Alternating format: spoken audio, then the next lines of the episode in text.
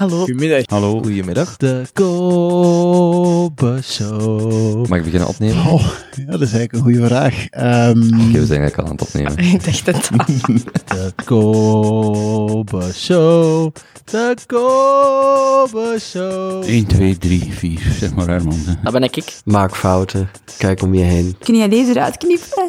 Blijf je verwonderen. Vind het talent in jezelf. Kobe Show. Woe. Oh ja, en luister naar de podcast van Kobe. Vandaag met uw gastheer, Kobe.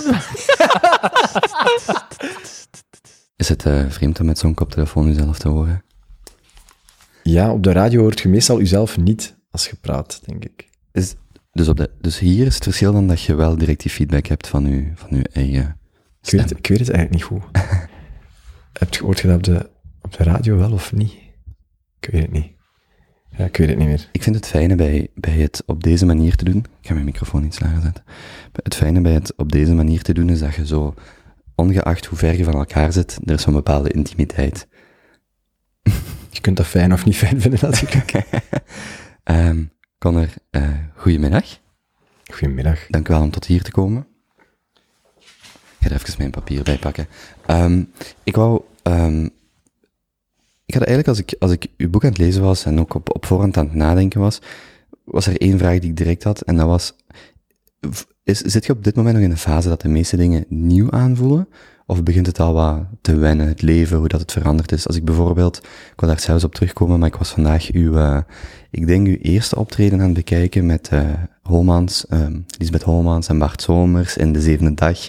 En, en ik, heb, ik ben beginnen turren van hoeveel woorden of hoeveel minuten waard gaan het woord. Maar je ziet dan, en dan het debat met Tom van Grieken, ik denk een, eh, dat is- kwam dan daarna, die evolutie. En dan vroeg ik me eigenlijk af, je zit nu, dit is dan uw tweede kerstperiode als, als voorzitter, maar de eerste was direct erop. Zit je nog in de, in de, in een soort van de, de periode dat het nog wel wat nieuw aanvoelt? Of begint het, is is het nieuwe normaal voor u al, al gearriveerd? Het, eh, het nieuwe normaal is al wel gearriveerd. Dus het echt zo'n nieuwe, eh, heel spannende is er vanaf. Ehm, zeker de eerste keer zo eh, een, een debat doen op televisie met, Mm. met Lisbeth en Bart Somers toen. Dat was voor mij heel bijzonder. Eh, omdat ook alles veel sneller is gegaan dan ik zelf gepland of gedacht had. Je bedoelt dat gesprek? Nee, eh, mijn leven. Ah, ja, dus ja. alles hoe dat alles zich ontwikkeld heeft. Ik was toen nog niets. Ik was toen gewoon een medewerker van de partij die kandidaat was voor de verkiezingen. Dus ik was ook nog niet verkozen of zo. Ehm, dat is op zich ook nog maar anderhalf jaar geleden. Mhm. Maar toch ook weer al anderhalf jaar geleden. En in dat anderhalf jaar is er heel veel gebeurd. Waarbij dat ik, denk ik, heel veel dingen voor de eerste keer heb moeten doen op een heel korte termijn. Hm. Eh, dus het, het is, eh, ehm, heb ik denk ik op dat jaar en een half zeker wat, wat media en wat politieke momenten, denk maar aan de regeringsvorming, denk maar aan, aan, aan, aan speeches voor duizenden mensen, of, of radio, televisie, programma's van allerlei, van, van de Radio 1 tot de slimste mens, het allemaal zoal eens gehad. Ehm, dus dat is goed, denk ik, dat, ik, dat ik daaruit kan leren van wat dat beter moet en dat ik daarin kan groeien. Eh, maar inderdaad, het, het nieuwe is er, zo, is er zo al wat af. Hm. En dat heeft zijn voor- en zijn nadelen, denk ik. Want, want soms denk ik dan zo wel van... Oei, ja, ik ben nu 28 en ik heb dat precies allemaal al eens gehad. Hmm. hè. Normaal gezien, in een normale politieke carrière gebeurt dat in tien jaar tijd of zo.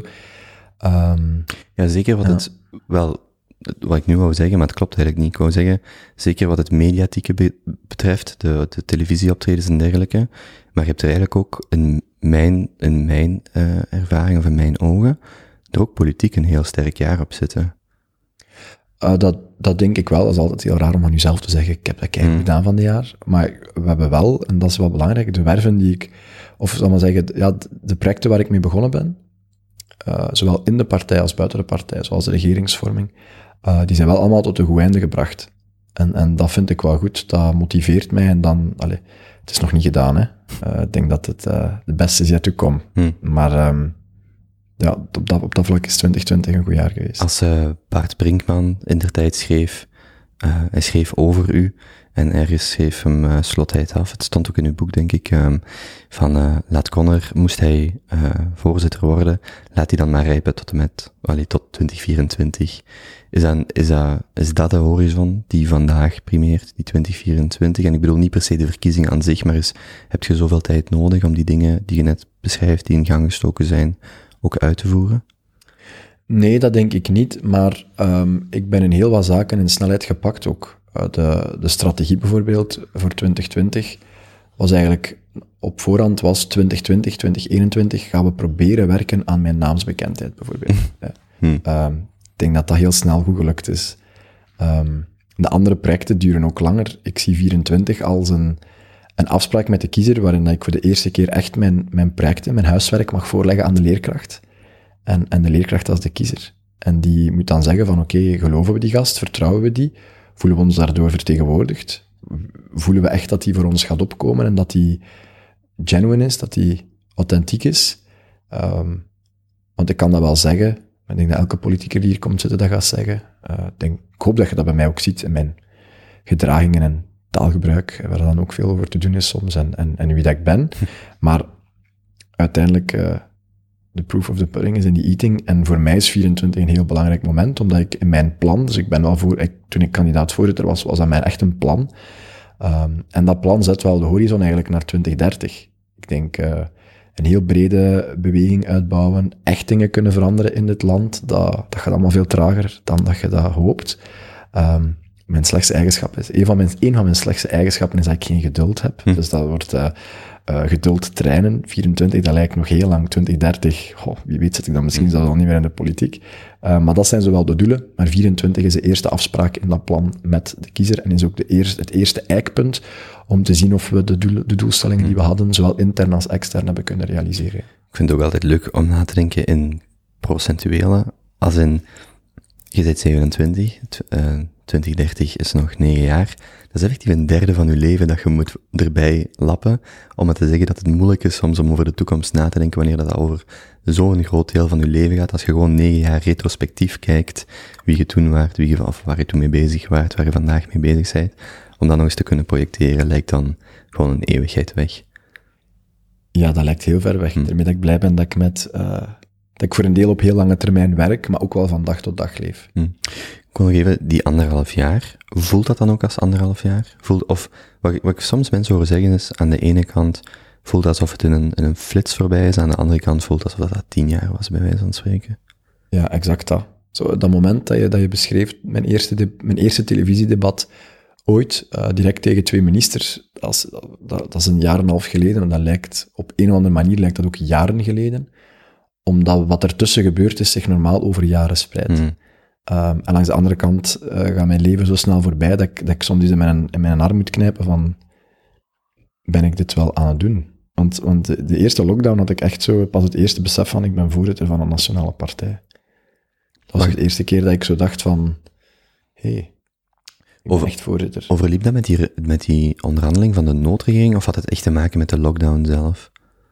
Die, dat gevoel van, eh shit, ik ben partijvoorzitter. Had dat te maken met die onderhandelingen rond die periode van de noodregering, of was dat echt de lockdown waar dat je voor het eerst dus eigenlijk moest vertragen? Nee, dat was de eerste lockdown. Echt veel vertraagd hebben we toen niet, omdat we altijd eigenlijk heel het regeringsonderhandelingen zijn geweest. Dat was best wel pittig soms. Maar eh, het, het waren zowel momenten dat, er, dat, er, dat alles stil lag. En dus ehm, dat je dan op, op, een- op, eh, op het appartement aan de zee zat hè, bij mijn vader. Eh, en naar, naar die oneindige vlakte van, van de Noordzee kijkt. Hè. Ehm, en ja, dan, dan begint je het, het na te denken. En, en dan dacht ik plots ik tegen mezelf van, wow, ik ben voorzitter. Ik had dat, ik, dat, dat gaat allemaal zo snel. Je wordt dat en dag daarna begint je allemaal plannen te doen. Je, er wordt, allee, de dag dat je voorzitter wordt, komt er zoveel op je af van dingen die je moet doen omwille van de functie, vergaderingen waar je plots extra moet bij zijn, eh, dingen die mensen van je verwachten, extra aandacht, maar ook intern gewoon dingen die, waar jij plots je finale handtekening onder moet zetten, heel wat dingen die moeten hervormd worden. Ehm, en ik had daar nog nooit niet echt over nagedacht tot, tot dat moment, eh, eigenlijk. En dat was ook heel kort. Nu denk ik daar zelf nog meer over na, van wow, wat is er eigenlijk allemaal gebeurd dit jaar? Omdat mij, toen was ik nog niet zo bekend. Ehm, nu is mijn, privé, mijn anonimiteit is gewoon volledig weg. Eh, ik heb het gevoel dat overal waar ik kom in Vlaanderen staat er wel iemand te kijken of wijst er iemand. Of, dus, en ik kan daarmee om, maar dat is een knop die je niet afzet. En de eerste lockdown was dat nog niet zo. Dat is echt gegroeid in die eerste lockdown. Ehm, en ja, toen was dat zo in mijn eerste moment dat ik dacht van, wow, ik ben, ik ben, ik ben dat. Allee, zo, ja, een beetje ongeloof. Hoe, hoe is dan die kant van die ontwikkeling? Je, je gaat doorheen die mediatieke en politieke ervaring op anderhalf jaar. Maar ik denk dan, we schelen twee jaar, ik ben twee jaar oud, ik kan mij, ik zou dan de centrale vraag stellen, wat doet dat ook met u als persoon, dat je inderdaad gaat van iemand die eigenlijk eh, tot, tot voor vrij kort kampen kon organiseren, daar kon bij zijn vanuit Conner, en niet vanuit de SPA-voorzitter of eh, iemand in de nationale politiek, is die anderhalf jaar, ik zou dan veronderstellen dat die echt heel snel is om in volwassen te worden, tussen aanhalingstekens. Ehm, wat ik vind, maar wederom, dat is weer, heel, dat is weer raar om over jezelf te zeggen, maar wat ik, wat ik het beste compliment vind dat, dat mijn vrienden, als, als ze mij eens horen of zien, hè, eh, zeggen, of ook op de kampen, is dat ik eigenlijk nog altijd gewoon dezelfde gebleven ben. Ik stond deze zomer ook gewoon onnozel mee die Jeruzalemma Challenge te dansen op kamp, omdat die Hmm. kinderen dat vroegen. Zo. Dus die dingen blijf ik wel doen. Ik, ik probeer... Ik zal het anders zeggen. Wat ik heel bijzonder vond, toen ik ook begon in de politiek, was het volgende. Jarenlang hoort je iedereen, en terecht voor een deel, zeggen van, oh, politici, die zijn zo gemaakt, die zijn zo fake, die weten niet wat er leeft, die zijn zo, die stellen zich precies boven de rest, hè. Ehm, en die hebben zo weinig persoonlijkheid, hè, want als je naar het parlement kijkt, let's be honest, er zitten heel veel gewoon klonen van elkaar, vind ik. En dan ja, ik ben wie ik ben. En ik dacht, ja, oké, ik ga in de politiek, maar ik ben ook wie ik ben. En dus ik ben niet alleen een politicus. Ik ben iemand die kampen organiseert. Ik ben iemand die een festival had, of heeft zelfs, Walhalla Festival in Sint-Niklaas. Ik ben een vriend van mensen. Ik ben een broer. Ik ben een zoon. eh, ik, ben van alles. Ik ben niet alleen politicus. En het moment dat je in de politiek stapt, ligt er blijkbaar ergens, ik weet niet waar, op een of andere stoffige kamer in het parlement of zo, een boek van hoe moet een politicus eruit zien. Hm. En dus ik had iets van, wow, maar wacht even, ik ga naar het parlement mijn eet afleggen in kostuum, ik ga naar de koning in kostuum, maar als ik aan het werk ben, gewoon in het parlement, doe ik geen kostuum aan, want ik draag dat, draag dat niet dag- dagelijks. Het zou helemaal niet genuine zijn, vind ik, om rond te gaan bij de mensen als Connor, wie Connor is, en dat moment dat ik plots verkozen ben, mij zo belangrijk beginnen voelen, dat ik overal in kostuum moet verschijnen. Maar daar werd dan over geschreven van, amai, wie denkt hij dat hij is en hij draagt geen kostuum in het parlement. Ik dacht, ja, het gaat erover wat ik daar doe en wat ik daar voor de mensen kan betekenen en niet hoe dat ik gekleed ben, denk ik. En let's be honest, ik vind dat ik altijd wel oké gekleed ben. Los van het feit dat ik, vind ik, hè, los van het feit of dat ik een kostuum aan heb of niet. Ook met mijn taalgebruik of met de manier waarop ik dingen benader of dingen doe. En dat vond, dat vond ik in het begin frustrerend voor een deel. Van, oké, maar wacht even. Ik, ik wil mijn ding doen. Ik ben door de leden, door mensen verkozen. Ik ben verkozen in het parlement, Mm. omwille van wie dat ik ben. Eh, ik had best veel stemmen. Ik ben een enorme uitslag verkozen in de partij om voorzitter te worden. Omwille van wie, ook omwille van wie dat ik ben. Ik ga nu alle dingen van mezelf, eh, dat, ik eens, dat ik eens graag dialect praat, of dat ik eens graag mezelf of Hmm. volkstaalgebruik spreek, of gewoon jongerentaal spreek, eh, dat ik ook nog graag eens, eens dingen probeer te doen naast mijn werk. Eh, dat moet ik nu toch niet allemaal wegschrapen, omdat jullie zo een beeld hebben van politici dat jullie niet leuk vinden, en ik moet daar dan in passen. Zo werkt het niet voor mij. En dus, dat is wel een leerproces geweest, maar ik zeg gewoon altijd tegen mensen van, maar ik ben naast politicus ook gewoon een gast van 28 ondertussen, ehm, die, zoals iedereen, leeft en wil leven. En, en, en daar, ja, het is ook, ik ben ook heel jong. Er zijn weinig Hmm. politici die zo jong dan voorzitter zijn. Ja, tuurlijk ga ik ook nog eens naar een festival gaan. En ga je dan de dag daarna lezen van, is dat nu wel gehoord, dat een politicus daar bier zit te drinken op een festival? Dan denk ik zo, ja, maar kus mijn kloot. Allee, ik, ga, ik ga wel nog ook een beetje leven daarnaast. Als je verwacht dat ik mezelf blijf en dat ik alles op alles zet voor mijn job, wat ik ook doe. eh, er kruipen heel veel uren en nachten in, zeg maar, dagen en nachten in dan moeten mensen ook gewoon wel kunnen toelaten dat ik mijn leven leef Mm. zoals ik dat wil leven voor een deel. Ook al vind ik dat ik al heel veel opofferingen doe. Maar het leuke is dan wel, vind ik, in het begin was dat frustrerend, maar nu zie je ook wel gewoon dat heel veel mensen dat appreciëren. En dat ik ook heel veel positieve feedback krijg, veel meer dan al het negatieve gezeik, ehm, waarin dat mensen dat wel stimuleren van, you do you. En ik stimuleer ook andere mensen om te zeggen van, doe je ding en Ja, ik werk denk- hard. Ik denk, ik wil zelfs ook nog een stukje over dat generationele praten. Ik denk de, de verwijten die soms zullen komen over klederdracht en dat soort dingen. Ik sta daar persoonlijk niet helemaal niet bij stil. Als ik je op je sneakers zie bij de koning, dan denk ik, ja, of wacht, was toch op je sneakers? Even zeker voor de. Dan denk ik, ja, dat is gewoon, ik, ik hoef daar geen groot artikel aan te wijden, wat dat, dat zou kunnen impliceren, of het een gebrek aan dit, of een overdaad van dat, dan denk ik, nee, is gewoon een gast die ergens, uh, gelijk zoveel mensen van onze leeftijd, ook zijn weg in zoekt en ook ergens in een bepaalde mate ergens voor wordt gegooid. En ja, je, je probeert het maar en, en door daar, denk ik, dicht te blijven met jezelf.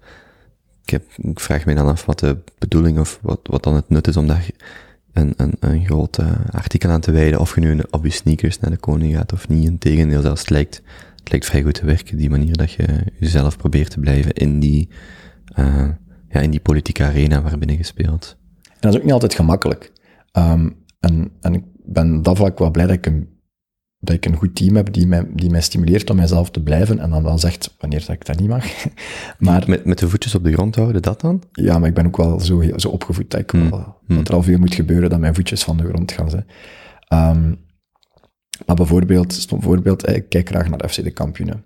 In het begin, toen ik dat zei, niet in mijn team dat ik nu heb, maar zowel algemeen in de politiek, zeiden zo collega's, mensen die collega's gingen worden, waren er wel stemmen die zeiden van, ik zou dat wel niet zeggen van, allee, hmm. weet je, politici die, die doen keihard hun best om slim over te komen, zoals van, ik lees 50 boeken, ah, jij 50, ik het 60, zo hmm. echt zo dat. Ah, en ik heb zeven diploma's, ah, maar zeven, ik heb er tien en vijf van in het buitenland, zo, ah, my, proficiat allemaal, en zo, zo alles eraan doen om zo slim over te komen. Mooi praten, de, slim taalgebruik, zo die dingen. En dan kom ik daartoe, zo net af, ik ben nog maar drie jaar afgestudeerd, zelfs nog niet, denk ik wacht, in januari ben ik drie jaar afgestudeerd, um, recht in Gent gedaan, en dan uh, kwam ik twee jaar geleden daartoe, en dan was ik een jaar afgestudeerd. En dan, uh, dan, dan, ja, heel veel boeken leest je niet. Ja, nee, als student heb je daar geen tijd voor. Al ik het toch niet. Ik, ik organiseerde kampen, ik organiseerde festivals, ik werkte al. Ik was werkstudent. Mm. Ik werkte voltijds voor, voor een voorzitter als, als communicatiemedewerker. En ik studeerde rechten, dus ja, nee, ik had geen tijd om, om dagen uh, boeken te lezen. Dat is niet dat ik dat niet wil, maar dat was gewoon op dat moment mijn interesse niet. Maar dat was al, mm, geen boeken. Ah, je gaat niet elke week naar een museum. Mm, mm. Ah, je komt niet klaar van politiek correct taalgebruik. Ah, mm, zo, hè. En dan zei ik, ja, kijk graag naar de kampioenen. En dat is op zich raar, hè. dat is nieuws hè, zo geweest. Daar zijn zo artikels over geweest. En nu is dat zo een van mijn dingen van, dat is die politicus die naar de kampioenen kijkt. Dat is op zich al iets, maar ik had, in het begin werd er mij zo afgeraden van, je moet dat niet zeggen, want dat doet u zo wat over. En ik dacht, ja, maar wat bullshit is dat nu? Ik kijk daar graag naar. En als mensen denken dat ik mijn job minder goed ga doen, omdat ik in slaap val met de kampioenen, dan is dat hun probleem. Um, en dus je wordt wel getest of je jezelf kunt blijven of niet. Maar ik, ik doe dat wel gewoon. En dan, ik geef de kampioenen misschien een stom voorbeeld, maar ook weer niet. Omdat het wel aantoont hoe dat dan plots mijn ding wordt, terwijl eigenlijk ik zoveel generatiegenoten en oudere en jongere mensen ken die daar naar kijken, die daar ook niet bij nadenken welk signaal ze naar hun omgeving geven als ze naar de kampioenen geven. Soms hebben dingen geen uitleg of geen reden, maar is gewoon soms iets rustgevend. Stel dat dat uh, conformerend idee overlapt met dat wat een beroepspoliticus of iemand met een lange carrière u zou aanraden, zijn er dan wel dingen die je, die je hebt moeten leren, die, wel harde kantjes die er misschien af moesten? Niet echt. Ik probeer gewoon nog beter in te schatten van wat mijn woorden, als ik ze zeg, gaan teweeg brengen. Maar aan de andere kant denk ik ook van, maar laat ze dan maar iets teweeg brengen. Ik zit in de politiek om impact te hebben en niet om uh, elke keer een, een, streepje te kunnen turven van, ik heb alles perfect gedaan. Hmm. Ik ben niet perfect, verre van. En dus ik ga nog wel fouten maken ook, maar ja, laat mij die maar maken, denk ik dan. Ik ga daaruit leren. Hoe uh, natuurlijk zijn, is al die media-aandacht vooral? En met media-aandacht bedoel ik dan ook bijvoorbeeld herkend worden op straat, maar is dat, is dat iets wat van nature past bij je persoonlijkheid, of vergt dat vooral energie meer dan dat het u dat geeft? Um, dat verandert rap. In het begin, als die eerste lockdown werd opgeheven, dan kwam ik in Niepoort op de dijk. We moesten nog geen mondmasker dragen toen, een paar maanden tijd werd dat veranderd, maar we moesten dat niet dragen. Al die terrassen zaten vol, de horeca was terug open. En ik liep over de dijk in Niepoort, van de ene kant naar de andere kant en terug, met mijn broer. En die zei, wat de fuck is dat? Iedereen op al die terrassen zit hier aan te staren, hm. en like, ja, een naap in een kooi of zo. Dus ik begon dan wat te kijken, en ja, je weet ook niet hoe je dat je moet gedragen, hè. Want denk je, oké, loop hier maar heel zelfzeker, kun je arrogant komen. Loop je daar wat bedeesd, zit je precies onder de indruk van de situatie. Dus je zet puur al het feit dat je nadenkt over een plaats waar ik, waar, allez, mijn vader woont in Nieuwpoort, dus ik zit al heel mijn leven vier maanden per jaar in Nieuwpoort. Ik loop daar dagelijks op die dijk. Zonder na te denken, net om mijn, om mijn kop leeg te maken. Het feit dat, je daar nu, dat je dan op dat moment begint na te denken, hoe loop ik hier, hoe kijken die naar mij, wat, moet ik doen? Moet ik nu lachen naar iedereen? Moet ik nu zwaaien naar de mensen? Maar voel ik me dan niet te belangrijk? Ik ben toch geen koning die zwaait naar zijn onderdanen. Maar niet kijken is precies of ik mij te goed voel voor de mensen, terwijl ik wel kei tof vind dat die vriendelijk zwaaien en zo. Dus hoe moet ik daarmee omgaan? Ja, en oftewel eh, verkrampt het dan van de stress, want er is, allee, er is geen goede kant aan soms. Oftewel denk je dan, oké, nee, ik ga hier gewoon doen wat mijn, wat mijn buikgevoel zegt. En dan ben ik gewoon keihard beginnen knikken en beginnen lachen aan mensen. En dan plots kwamen die van achter een tafel. Dan moest ik, heb ik die een dag 42 selfies moeten nemen. Mm.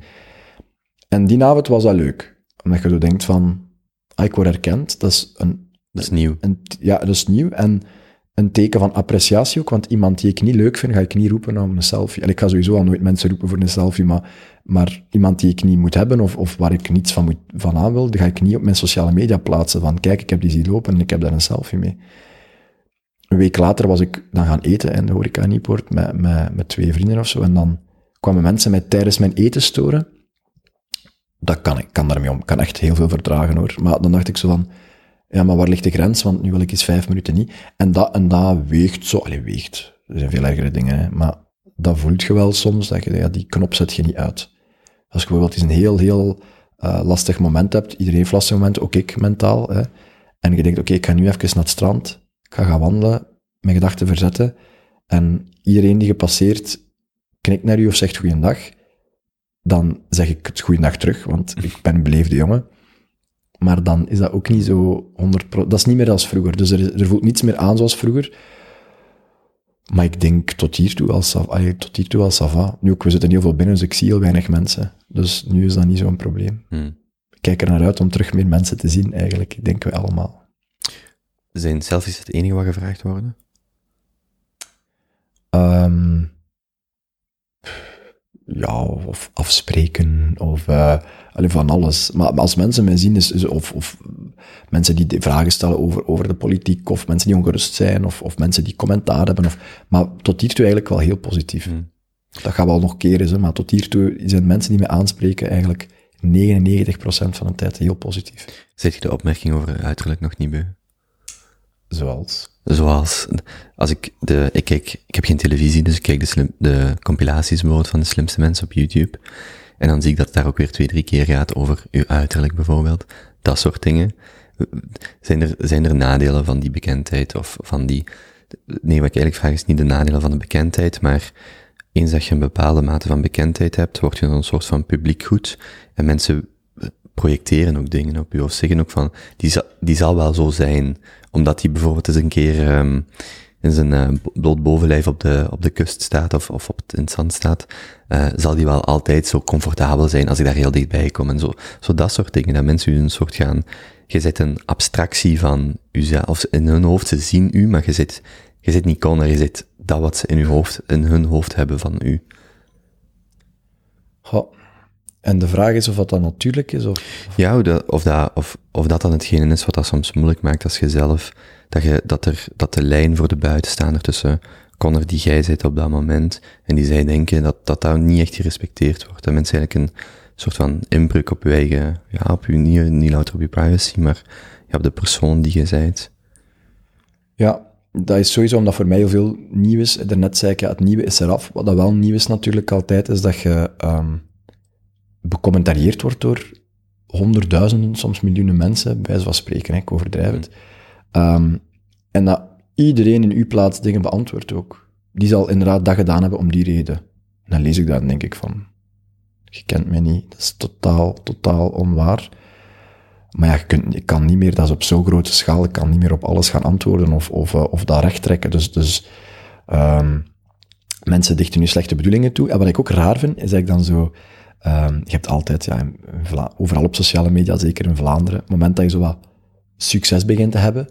In, nee, in het begin is het heel sympathiek. In het begin is het zo... ehm, ah, er is iemand nieuw, hè, nieuw kid aan de blok, tof, ah, wie is dat? En dan kun je een aantal dingen presteren, denk ik, zoals met de regering, zoals de slimste mensen, zo dingen, noem maar op, waarin ik, dat, dat goed loopt, of, of dat beter loopt dan dat ik zelf verwacht had. En dan, moet, dan beginnen mensen te zeggen van, oké, maar wow, die is succesvol, maar verdient die dat succes wel? En dan ja, weet ik niet. Zijn, zijn heel veel mensen met te veel tijd die dan zo allemaal, ah, maar ja, die zal wel uit heel rijk thuis komen. Die zal er nog wel, die zal wel alles gekregen hebben van thuis. Maar niet zo is. Ah ja, maar die zal wel alles gekregen hebben van zijn partij of, of dingen. Denk ik, ja nee, want het ging niet goed met de partij. En, en nu wel. Hè? Dus oké, zo mensen, zo, het, het succes, dat kan, dat kan mijn eigen verdienste niet zijn. En dat is ook niet alleen mijn eigen verdienste, we zijn mijn team, hè, vooral duidelijkheid. Maar zo, en, en mensen vullen dan zo dingen in over u. En daar moet je mee omgaan. Maar tot hiertoe, ça va wel. Maar hoe meer je daarover nadenkt, hoe minder gelukkig dat je erover wordt. Dus ik probeer er ook niet te veel bij stil te staan over na te denken. Langs de andere kant weet je ook wel, als je in de politiek stapt, moet je tegen een stootje kunnen. Ik vraag me gewoon soms af, wat willen die mensen dan? Maar ik doe de ne heel negatieve zo, hè. Van, kan zijn kop niet zien, of, of dan denk ik, ja, kijk dan niet. Hè. Dat is het simpelste, hè. Als je iets niet wilt zien, kijk dan niet. Hè. Eh, of zoek mijn pagina dan ook niet op, of zo. Hè. Ehm, heel raar.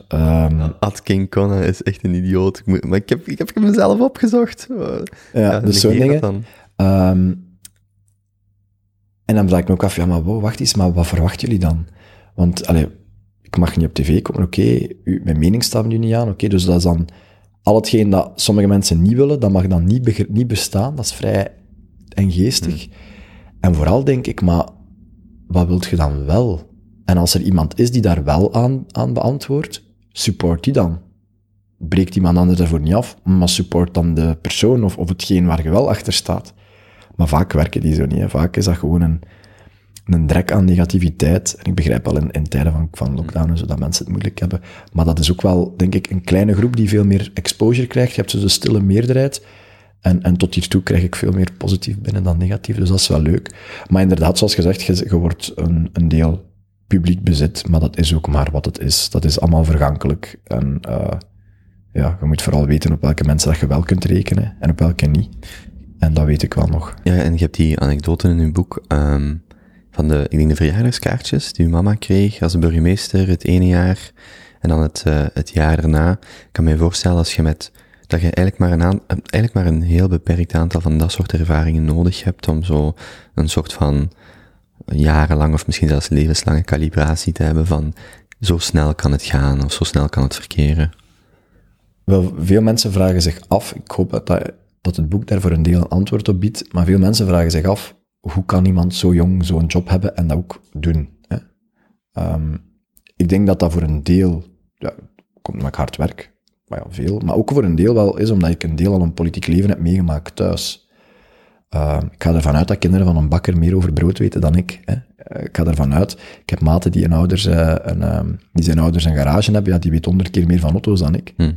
Ik heb dat wel heel, heel bewust meegemaakt. Mijn zus was daar nooit in geïnteresseerd, die, die heeft dat niet echt bewust meegemaakt. Ik heb dat wel heel bewust meegemaakt, wat het doet met iemand als, als ze burgemeester wordt, hoe de mensen dan plots naar haar en haar gezin kijken, maar ook hoe, hoe rap al mensen zich weer keren dan naar de volgende burgemeester. Want het gaat over uw mama, voor, ja, de, ja, voor de mensen naar de volgende, volgende burgemeester en dan de vorige gewoon laten vallen. Ook al Hmm. kan die persoon keiveel voor u gedaan hebben, ja, men wil graag bij de mensen zijn die, die it zijn of die hot zijn op dat moment.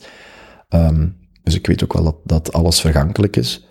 Maar ik ben er wel van overtuigd dat met, met hard werk en als, we, als, ik dingen, als ik echt dingen in verander, kan veranderen, dat mensen dat wel gaan appreciëren, ook op lange termijn. Ik weet nog dat ik met uh, Laurentine, een uh, gemeenschappelijke vriendin, of een vriendin die jij al langer Ja. kent, uh, van Landegem, vanuit Sint-Niklaas, dat ik daarmee aan het praten was en ik zei tegen haar, "Ja, ik wil Connor eigenlijk graag uitnodigen, maar ik ga wachten totdat die, totdat de regering gevormd is. Wat dus, even gewacht. Um, in de veronderstelling of in het idee van eens dat een regering gevormd is, verandert het schema van een partijvoorzitter in deze en wordt het wat rustiger nu, dat het echt rustiger wordt, daar, daar, daar twijfel ik aan. Maar kunt je beschrijven hoe dat, uh, wat eigenlijk vandaag die invulling is, wat er gebeurt? Dus misschien voor mensen die dat totaal niet weten, voor zover ik op de hoogte ben, de regering wordt gevormd door de partijvoorzitters, of die zitten eigenlijk aan de knoppen.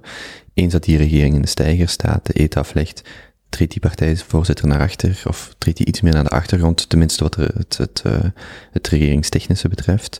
En wat schiet er dan nog over voor die partijvoorzitter? Waar, waar wordt de nieuwe focus dan op gelegd? Wat schiet er dan nog over? Dat lijkt dan zo van, kun je nog bezighouden? Ik kan mij het zeker bezighouden. Um, ik bedoelde het heel neutraal. Nee, natuurlijk. maar dus, ja, een partijvoorzitter is, is, is verantwoordelijk voor uh, al het politiek personeel. Dat zijn de ministers, bij ons Frank en Mirjam bijvoorbeeld, of Pascal in, in Brussel. Uh, dat zijn nu parlementsleden in de verschillende parlementen. We hebben er wel wat in België. Hè.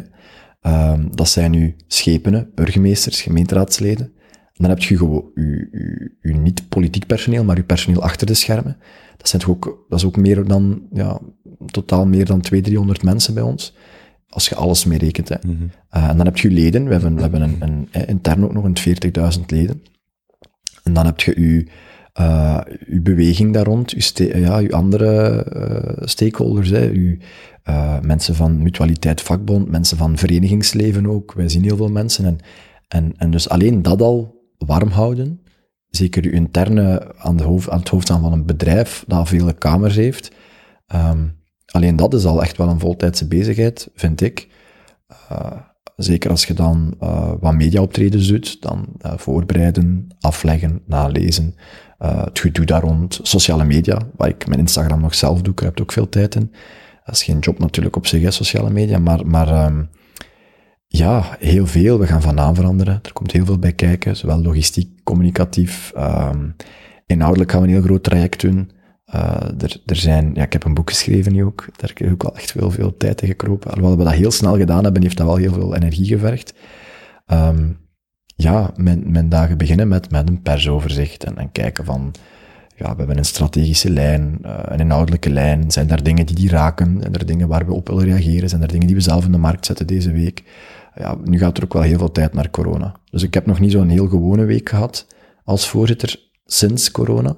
Want het was dan corona, regeringsvorming, boek, uh, van allerlei dingen in de media. En nu gaat de focus voor een deel toch wel terug op intern inhoudelijk en het beleid. En um, ja, ik, heb, ik ben al, ik bereid mee de ministerraden voor, dus de, de voorzitters die zetten wel een stap terug, zo gezegd. Dus wij vormen de regering, wij benoemen de ministers, um, maar ik bereid wel iedere week de ministerraad mee voor, met mijn ministers. Dat ik toch, ja, weet, ik heb het mee onderhandeld wat er in dat regeerakkoord staat. Ik wil ook wel zien dat dat goed wordt uitgevoerd, maar ik heb, ben er wel, allee, ik heb wel een goede keuze gemaakt, denk ik, met de twee ministers die we hebben federaal, dat dat goed wordt uitgevoerd. Maar ik volg daar wel wekelijks, wekelijks mee op. Maar bon, een, een dossier voorbereiden, dat is niet dat je soms vijf minuten leest. Ik, ik moet mij ook, ik, uh, allez, ik spendeer wel wat uren per week om, om, om dingen te lezen, mij te, vooral te bellen, denk ik, als ik iets niet begrijp. Of ik moet ook nog heel veel bij, oh, heel veel bijleren. Dus, ja, op het moment dat je bellen zegt, dondert die gsm naar beneden. Ja, ik denk dat ik gebeld werd of zo. Ja, okay. Ik heb op de grond laten liggen. Die, um, in hoeverre klopt die metafoor van de, de partijvoorzitter als de CEO? De CEO in het bedrijf is de partijvoorzitter. Dekt daar de lading? Um, ja en nee, uh, omdat er ook nog heel veel media bij komt.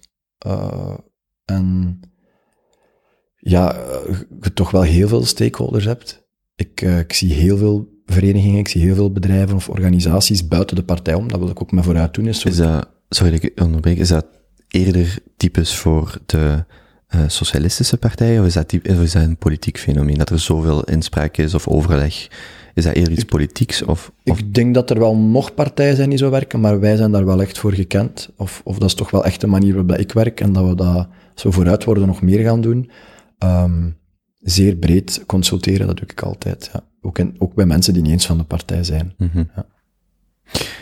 um, ik ben even aan het kijken. Ik, er, er was deze week een interview met u uh, in de tijd. Ik wil daar een stukje op. op um, ik wil eerst ik ga het mij makkelijk maken als millennial. Ik ga een stukje voorlezen van wat ze daarin schrijven. Ik wil u vragen hoe dat, dat, hoe dat, hoe dat voor u is. De, Dieter Dujardin en Jasper Doren openen met waar te beginnen met het jaaroverzicht van de partijvoorzitter die in twaalf maanden tijd uitgroeide van maatke tot mediafenomeen, van kindsoldaat tot koninklijk informateur, gerespecteerd door N-VA-voorzitter Bart de Wever en terugkeerde Frank van den Broeke, geducht door Tom van Grieken en Georges-Louis Boucher, en gefeteerd door zowel BV's, oude sossen als fans van Balenciaga. Is het na, als ik het, het zo lees, na anderhalf jaar, is het gewoon, is het een reizende ster die maar blijft en blijft gaan? Voelt dat voor u ook zo? Ik vind dat heel raar om daarop voor mezelf op te antwoorden. Is er een, eh, als jij, je zei dat daarnet, um, of beschrijft ook in het boek, de, als uw visie wordt gevraagd, ik denk door Dan Daniel Termont, is dat dan het moment waarop je de visie voor de SPA uittekent, die uiteindelijk leidt tot wat dan straks vooruit wordt? Is dat, is dat waar het begint? dat klinkt voor sommige mensen heel moeilijk om te geloven, maar ik was daar al heel lang mee bezig. Ik had nooit gedacht dat ik dat, ik dat nu al ging zijn. Maar Mhm. ik was wel al achter de schermen bij SPA toch wel al bezig met "Hm, dit kan beter. Ik ben al perfectionistisch als ik ergens eh, ga. Of dat vond ik ook het leuke. Dat vind ik leuk aan dingen organiseren, zoals festival of kampen of zo. Ik ga daar binnenkomen, dan mocht je gerust vragen aan mijn vrienden. Ik maak mij daar niet altijd sympathiek mee, maar ik ga wel direct zeggen wat er beter kan en beter moet. En dus zat ik ook wel achter de schermen bij SPA. En dan, dan werd ik gevraagd, toen ik net eh, verkozen was als fractieleider in, het Vlaams parlement, een jaar en een half geleden. Want ik zit nog maar een jaar en een half in de politiek eigenlijk.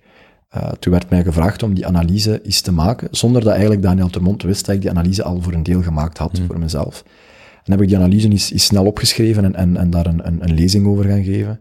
Ehm, en ja, dat was, dat was eigenlijk ook wel voor mij verrassend, want ik, ik, was zoiets met, ik had zoiets van de mindset van, ik had tegen Daniel gezegd, oké, ik ga dat doen, maar ik ga mij wel niet inhouden. Ik ga wel mijn eigen ding doen. En dus ik ga tegen een paar heilige huisjes binnen de partij schoppen.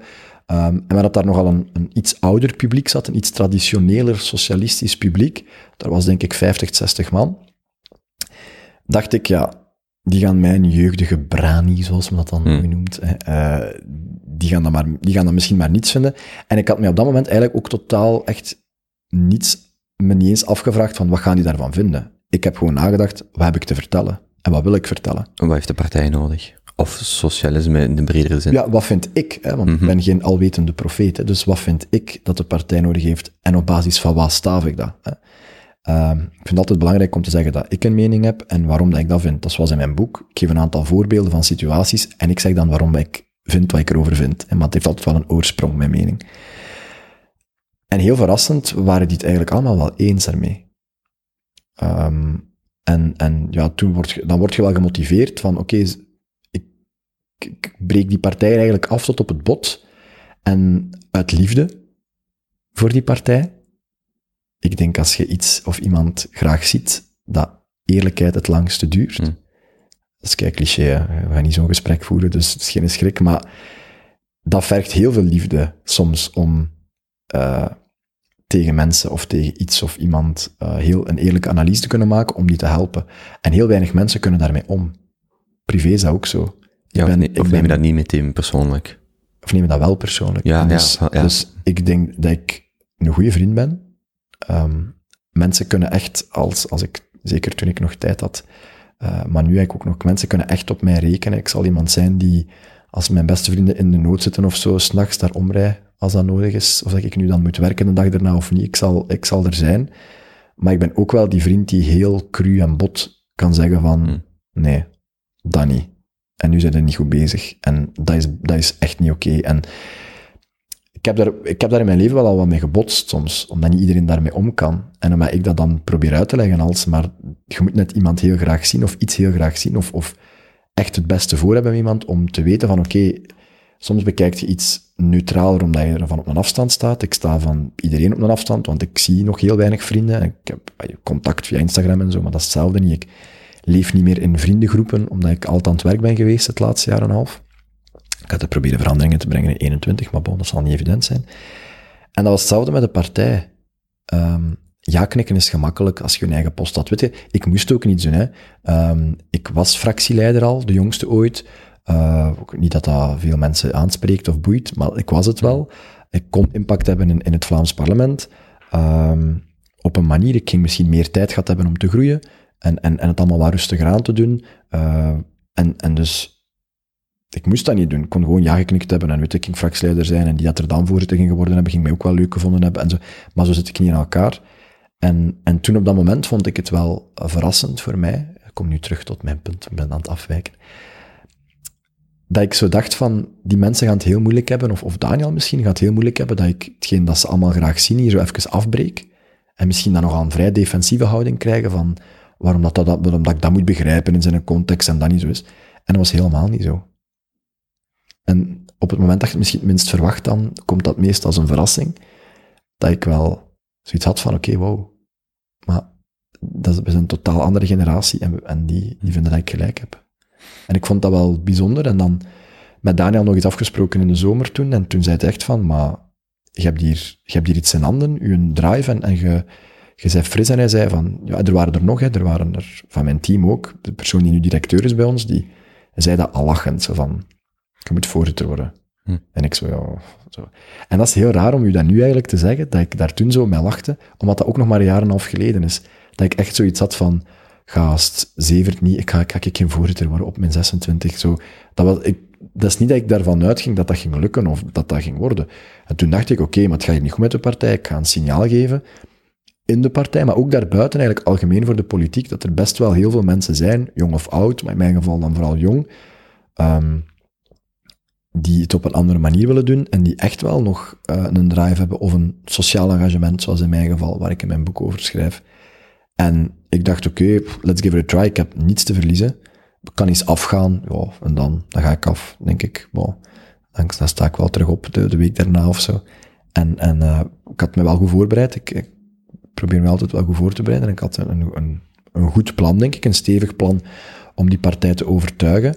Uh, Wanneer, wacht, de verkiezingen zijn in november 19? Ik weet het, dat, of... De verkiezingen, de, de, parlementsverkiezingen waren in, in eind mei. Sorry, de, de, de voorzittersverkiezingen. De voorzittersverkiezingen waren in november 19. November 19. En in, in september 19 heb ik dan beslist van, oké, okay, ik ga Ja. ervoor. Ja, want twee, wordt- twee maanden uh, ja, uw kandidaat gesteld. Maar vanaf, vanaf het moment dat iemand lachend zegt, uw, die, de huidige directeur, die lachend zegt, jij zou beter voorzitter worden, tot aan, tot aan het, het, het, eh, het definitief, het, het applaus, zeg maar. Eh, wat, wat gebeurt er in die periode dan? Heel veel uh, uh, onzekerheid, heel veel twijfel, heel veel... Um, moet ik dat doen? Ga ik me niet belachelijk maken? Maar heb ik iets te verliezen? Eigenlijk nee. Vind ik dat ik het beter kan? Ja, zo... zo want ja, in de politiek moet je niet stappen als je niet vindt dat je het zelf beter kunt. Mm. En dan moet, als je denkt dat iemand anders beter kan, moet je voor die persoon stemmen. Hè? Dus um, nadenken van oké, okay, maar bon. En dat was zo... En ik had dat dan zo wat weggelegd, zo. En dat, dat speelde toch terug iedere keer. Ik had dat in mijn hoofd eigenlijk op een bepaald moment zo wel in een, in een, in een, in een lade gestoken en die lade dicht gedaan. Maar dat kwam wel iedere keer terug op. Zo. En dacht ik, ah, misschien ja, dat niet wel zot zijn. En dan denk ik zo, oh nee. Dan dat van die gesprekken dat je met jezelf hebt van, ah, zou ik zou wel de jongste ooit zijn? Niet dat dat op zich een verdienst is, maar dat zegt wel iets. Nou ja, dan heb ik veel nagedacht van, nou. Okay. Maar maak een kans, ik weet het niet, misschien wel. Oké, okay. kans berekenen, wat, wat met mensen praten en mensen kwamen ook wel tot bij mij zelf zo van, misschien moet jij dat doen. En dan dacht ik zo, oké, okay, er zijn hier nog mensen die dat denken. Misschien is dat dan niet zo'n zot idee. En ja, zeker, zeker in het begin was het niet evident. Toen ik het werd ook, werd er heel negatief geschreven. Kindsoldaat, kamikaze-opdracht, uh, ja, uh, marketingboy, posterboy, mooi snoetje, maar geen inhoud, leeg hoofd, uh, al die, te jong, geen ervaring, uh, belachelijk. Zo, alles, zo, niemand, de kende mij niet, maar iedereen had al een mening op. Iedereen, de mensen die het volgen, een mening. En dan dacht ik, oké, let's kick some ass dan. En dat hebben we dit jaar wel gedaan, denk ik. Weet je eigenlijk wie dat initieel het zaadje van het idee geplant heeft? Was dat dan die persoon die je net zei? Was dat Daniel? Was dat nog iemand anders? Het, de allereerste keer dat het zo even in uw hoofd voorbij kwam?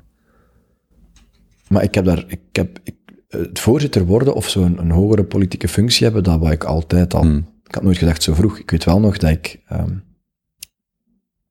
dat ik tegen de persoon die nu directeur is hè, voor ons, die dan toen ook al uh, in mijn team, in ons team zat, wel um, soms zo aan, aan het zeveren was van, goh, als ik voorzitter zou zijn, dan zou ik dat en dat zo Hmm. doen zijn, zou ik dat en dat zo doen.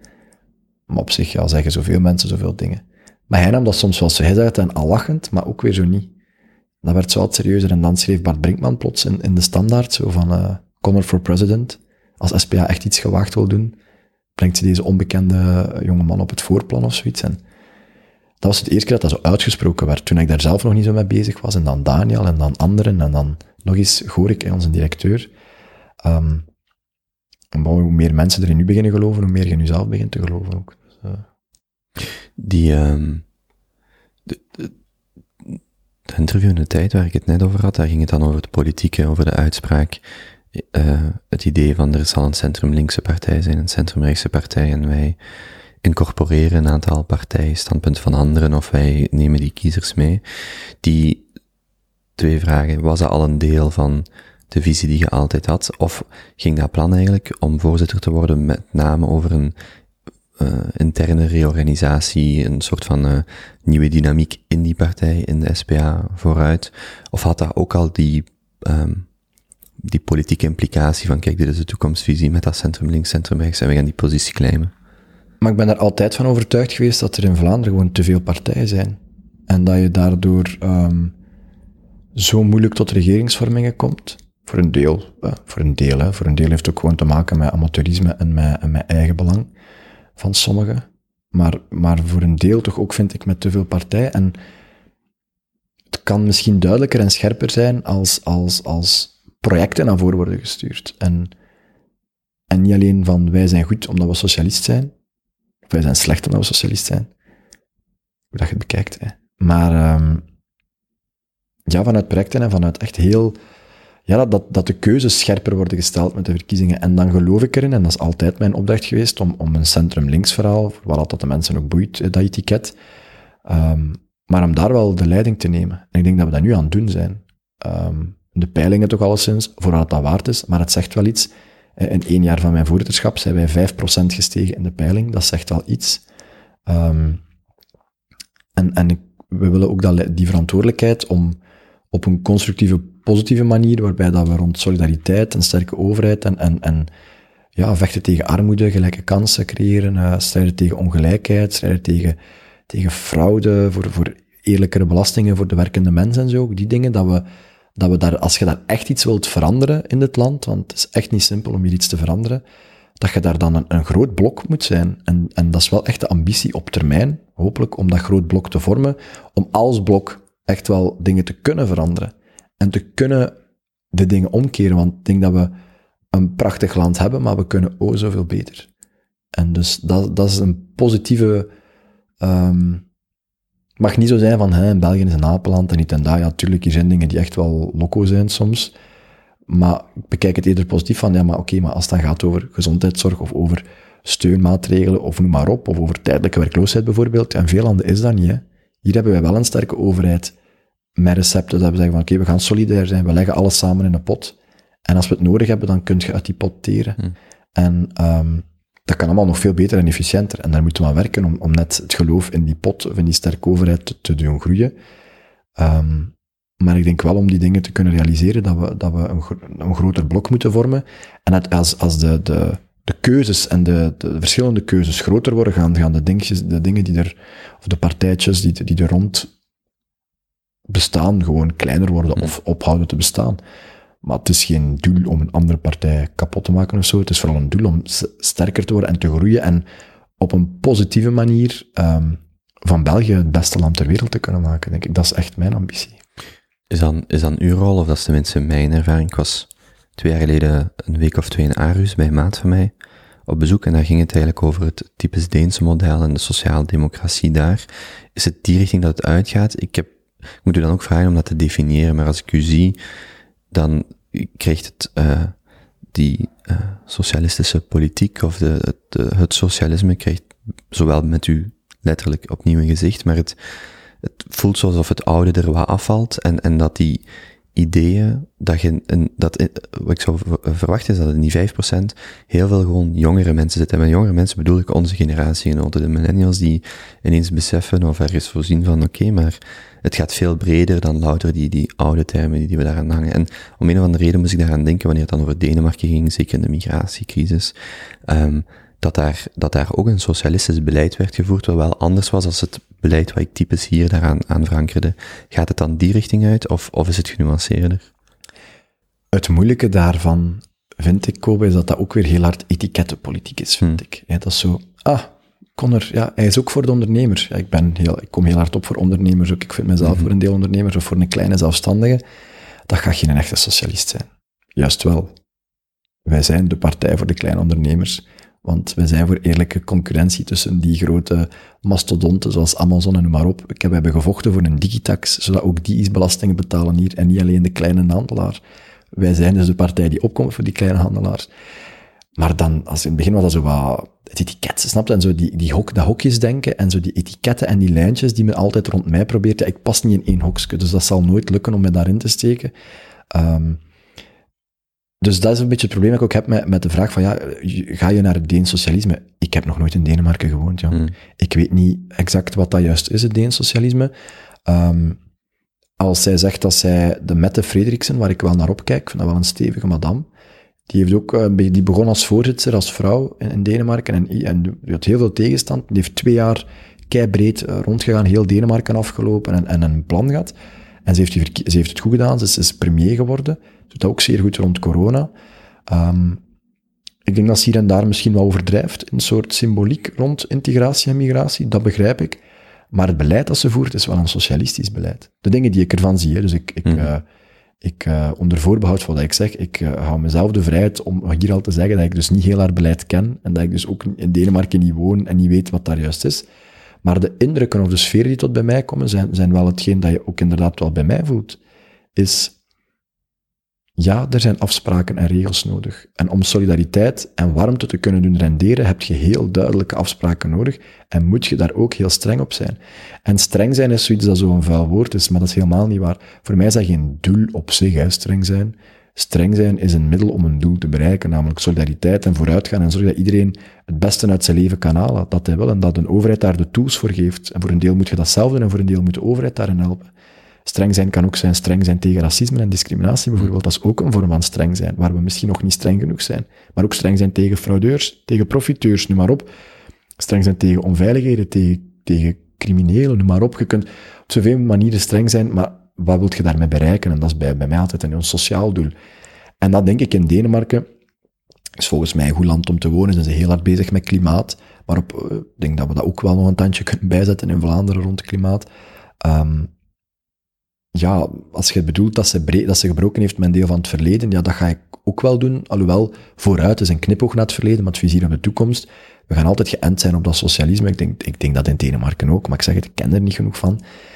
Maar dat, dat, dat beperkt wel een open discussie vaak in België, want dan, dan zeg ik bijvoorbeeld, ja, ik vind het superbelangrijk dat mensen die naar hier komen, nieuwkomers, of mensen die hier zelfs al wonen, hè, eh, dat die Nederlands spreken in Vlaanderen. Ik vind dat belangrijk. Niet omdat dat voor mij persoonlijk belangrijk is, wat maakt mij dat als persoon uit? Wel omdat dat voor hun belangrijk is. Voor hun kansenontwikkeling. Als je wilt strijden tegen kansarmoede, moet je zorgen dat je mensen helpt om die taal te leren. Dat je daarin motiveert, dat je daarin aanklampt. Dat je daar ook streng op bent. Ja, als men dan zegt, oh ja, dat is Deens socialisme, dat, kom, er gaat de flink zijn toer. Dan denk ik, maar wat een lui argument is dat? Mm. Eén, wat, wat heeft de Vlaming daaraan? Of wat dat Deens of, of Papua Nieuw-Guinees eh, socialisme is? Niets. Heeft boek het resultaat en worden we er hier beter van? Ik denk het wel. Ik denk dat Nederlands bijvoorbeeld heel, heel belangrijk. Zoals in Denemarken zij ook heel feller is gegaan op dat Deens leren, op die kinderopvang. En voor mij gaat dat, ik schrijf dat in mijn boek ook, over gelijke kansen. Ik vind, ja, je, bent afhankelijk van waar je wieg geboren wordt. Hè. En, en wij zijn een land, of wij moeten een land, wij zijn een land, waar het, als je het heel in de hele wereld bekijkt, minder effect heeft waar je wieg staat. Maar als je het in ons land bekijkt, maakt het nog altijd heel veel uit waar je wieg staat. En dus, wij moeten daarin verbeteren als land. En dus is taalkennis belangrijk? Superbelangrijk. Is dat belangrijk voor je ontwikkeling als persoon? Voor de connecties die je opdoet? Voor, voor, eh, voor de ervaringen die je kunt hebben? Voor vrienden, voor verenigingen? Dat is belangrijk. Is dat belangrijk voor de, ontwikkeling op school, de kansen op school? Dat is heel belangrijk. Is dat belangrijk voor de ontwikkeling op de arbeidsmarkt? Dat is heel belangrijk. En die dingen, eh, je goed voelen op school, je goed voelen op de arbeidsmarkt, je ding kunnen doen, bepalen toch ook een deel van het geluk van een mens. En het geluk van een samenleving en een omgeving. En daar is mij dat om te doen. En dus als je mensen wilt helpen, dan moet je ze ook soms gewoon de juiste dingen aanleren. Je moet ze niet alleen vis geven, maar ook zelf leren vissen. En dus taalkennis is voor mij heel belangrijk. En als men daar dan mij plots komt schermen van, ja, dat is dan Deens socialisme zeker, dan denk ik zo van, ja, whatever. Allee, Mhm. couldn't care less eigenlijk, hoe jij dat noemt. Mij is van, is er een probleem? Taalachterstand is, is niet goed voor kinderen. Wat is mijn motivatie om in de politiek te stappen? Gelijke kansen voor kinderen, bijzonder jeugdzorgproblemen, veel dingen rond het welzijn van mensen en vooral het welzijn van jongeren, dat mij heel hard interesseert als vrijwilliger al jaren en ook als politicus, om het dan zo te zeggen. Ehm, en dus als andere mensen daar voor mij gaan opsplaatsen waarom dat, dat is, dan doen zij maar. Dan denk ik, go fuck yourself. Mm. Maar ik zal zelf wel bepalen wat ik, waarom dat ik iets doe en vind. En ben dan blij dat ik dat ook in mijn boek heb kunnen schrijven.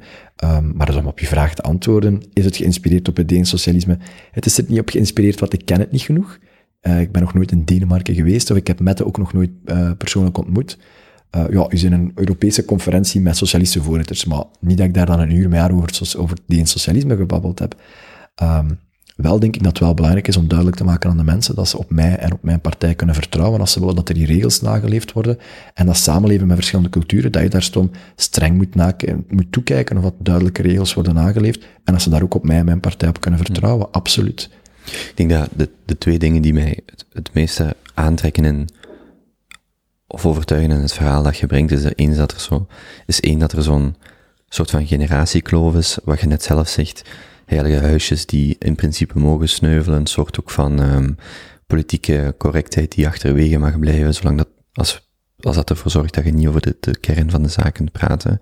En twee, dat dat, dat, tenminste in mijn hoofd, verbeter mij gerust als ik fout zit, want ik ga daar waarschijnlijk een etiket op plakken, maar dat dat socialisme in, in, in deze vorm niet per se gelijk staat met een ongebreidelde inclusiviteit, maar dat er ook rechten en plichten, dat er ergens een mate van exclusiviteit zijnde, dat er, dat de inclusiviteit kan voortvloeien uit ergens wel te zeggen, maar hier ligt het minimum, bijvoorbeeld in het geval van de taalkennis, van wij zijn inclusief, maar er moet wel een minimum zijn. Ik moet met u, en je geeft in het boek, en ik wil daar zelfs op terugkomen, voorbeelden van de kinderen die met de ouders in het Arabisch skypen, waar dat er eigenlijk de mogelijkheid is in het Nederlands te doen, maar het, wat ook de situatie is, maar dat die, dat de beweging die jij, of het verhaal dat jij brengt, is dat die inclusiviteit niet volledig onvoorwaardelijk is. Dat er wel een, dat er wel een minimum is, of dat je wel zegt, wij staan voor de rechten, en die gaan wij absoluut een, uh, uh, naar voren schuiven, maar er is ook een minimum aan plichten, en dat dat dan iets is waar tenminste ik mijzelf in kan vinden, en, en wat wel dan de breuklijn is, en ik zeg het, ik zag dat gewoon twee jaar geleden als ik dan in Denemarken was. Maar dat is ook de breuklijn die jij hier dan lijkt in te zetten van, ah ja, wacht eens, dat socialisme, of de, de manier waarin dat jij dat met SPA en straks vooruitbrengt, is veel breder dan louter de, die in mijn hoofd zou ik dat dan ongebreidelde inclusiviteit noemen, wat dan, ja, waar dat jij dan mee lijkt te breken.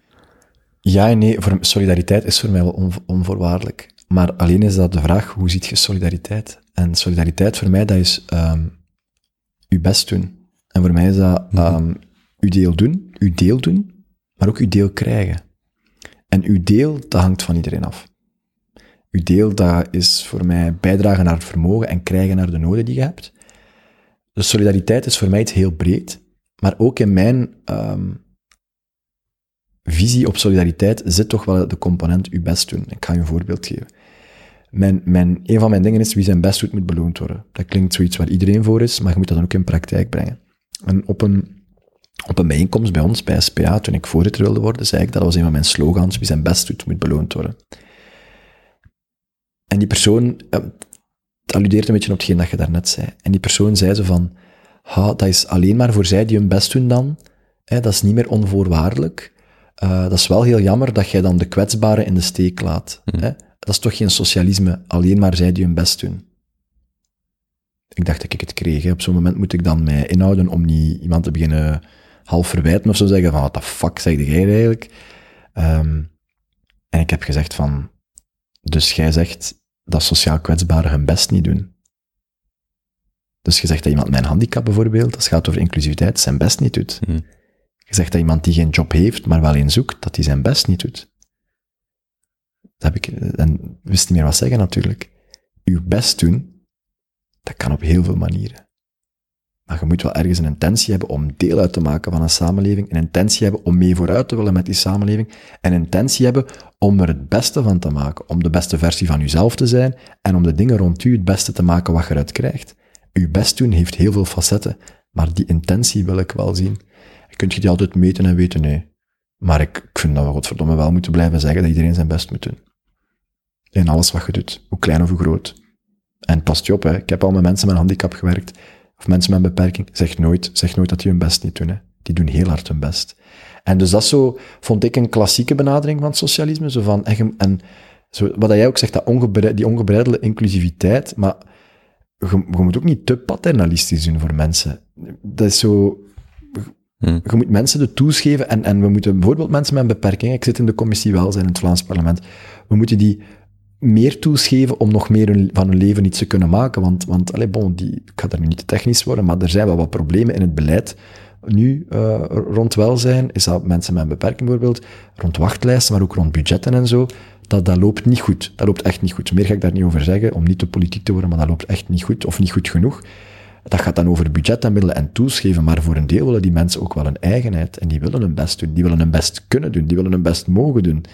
En ik weet niet of je begrijpt wat ik daarmee bedoel met dat voorbeeld, maar dat is voor mij misschien wel hetgeen wat jij ook dan ziet wat ik bedoel. Hm. Is je best doen. En ja, er zijn rechten en plichten. En dat is zo een tijd geweest van, we gaan toch niet terug beginnen met het socialisme van rechten en plichten, zeiden dan sommige mensen in mijn partij. En ik zei, godverdomme wel. Want hè, er zijn anderen hier, burgemeester van stad hier, die bijvoorbeeld zo het rechten en plichten discours overnemen, en dat is een socialistisch discours. En ik kan dat zelfs bewijzen. Het oeroude socialistische lied, De Internationale, hè, dat ik van mijn vijf jaar van buiten ken of zo, daar staat een zin in. En dat is van de 19e eeuw, hè. Socialistisch lied.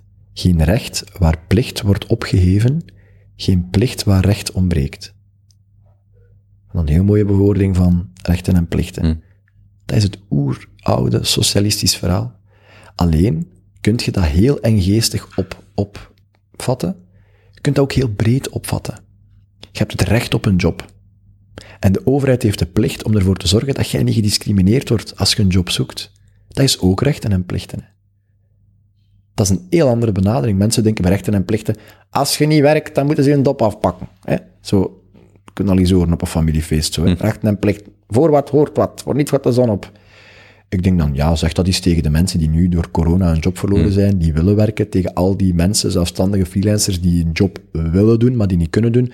Daar gaan we nu toch niet tegen beginnen zeggen, ja, rechten en plichten, mannetjes, Gulder werkt niet, hè, dus de kraan toe. Nee, zo, zo, zo zie ik het niet. Maar rechten en plichten wil wel zeggen van, een medaille heeft twee, heeft twee kanten. En, en ehm, je moet dat wel consequent toepassen. Dan neem ik sommige andere partijen wel kwalijk, als ze dan voor rechten en plichten zijn. Maar als het dan gaat over zoiets zoals discriminatie op de arbeidsmarkt, we leven in een diverse samenleving, hate or love it, het is de realiteit, gaat ermee om, maak er het beste van, want daar zijn politici toe verplicht, vind ik, om van alles het beste te maken, het best mogelijke. Dat ligt voor de ene wat hoger dan voor de andere, maar, maar en ook die dingen, dus de rechten en plichten vooral, vind ik wel heel belangrijk, als het op een consequente, goede manier toegepast wordt, en als het ook geen doel op zich is. Bij mij heeft het een sociaal doel, een doel rond ehm, gelijke kansen, rond ontwikkeling, rond, rond ontwikkeling als persoon, schoolkansen, arbeidskansen, noem maar op.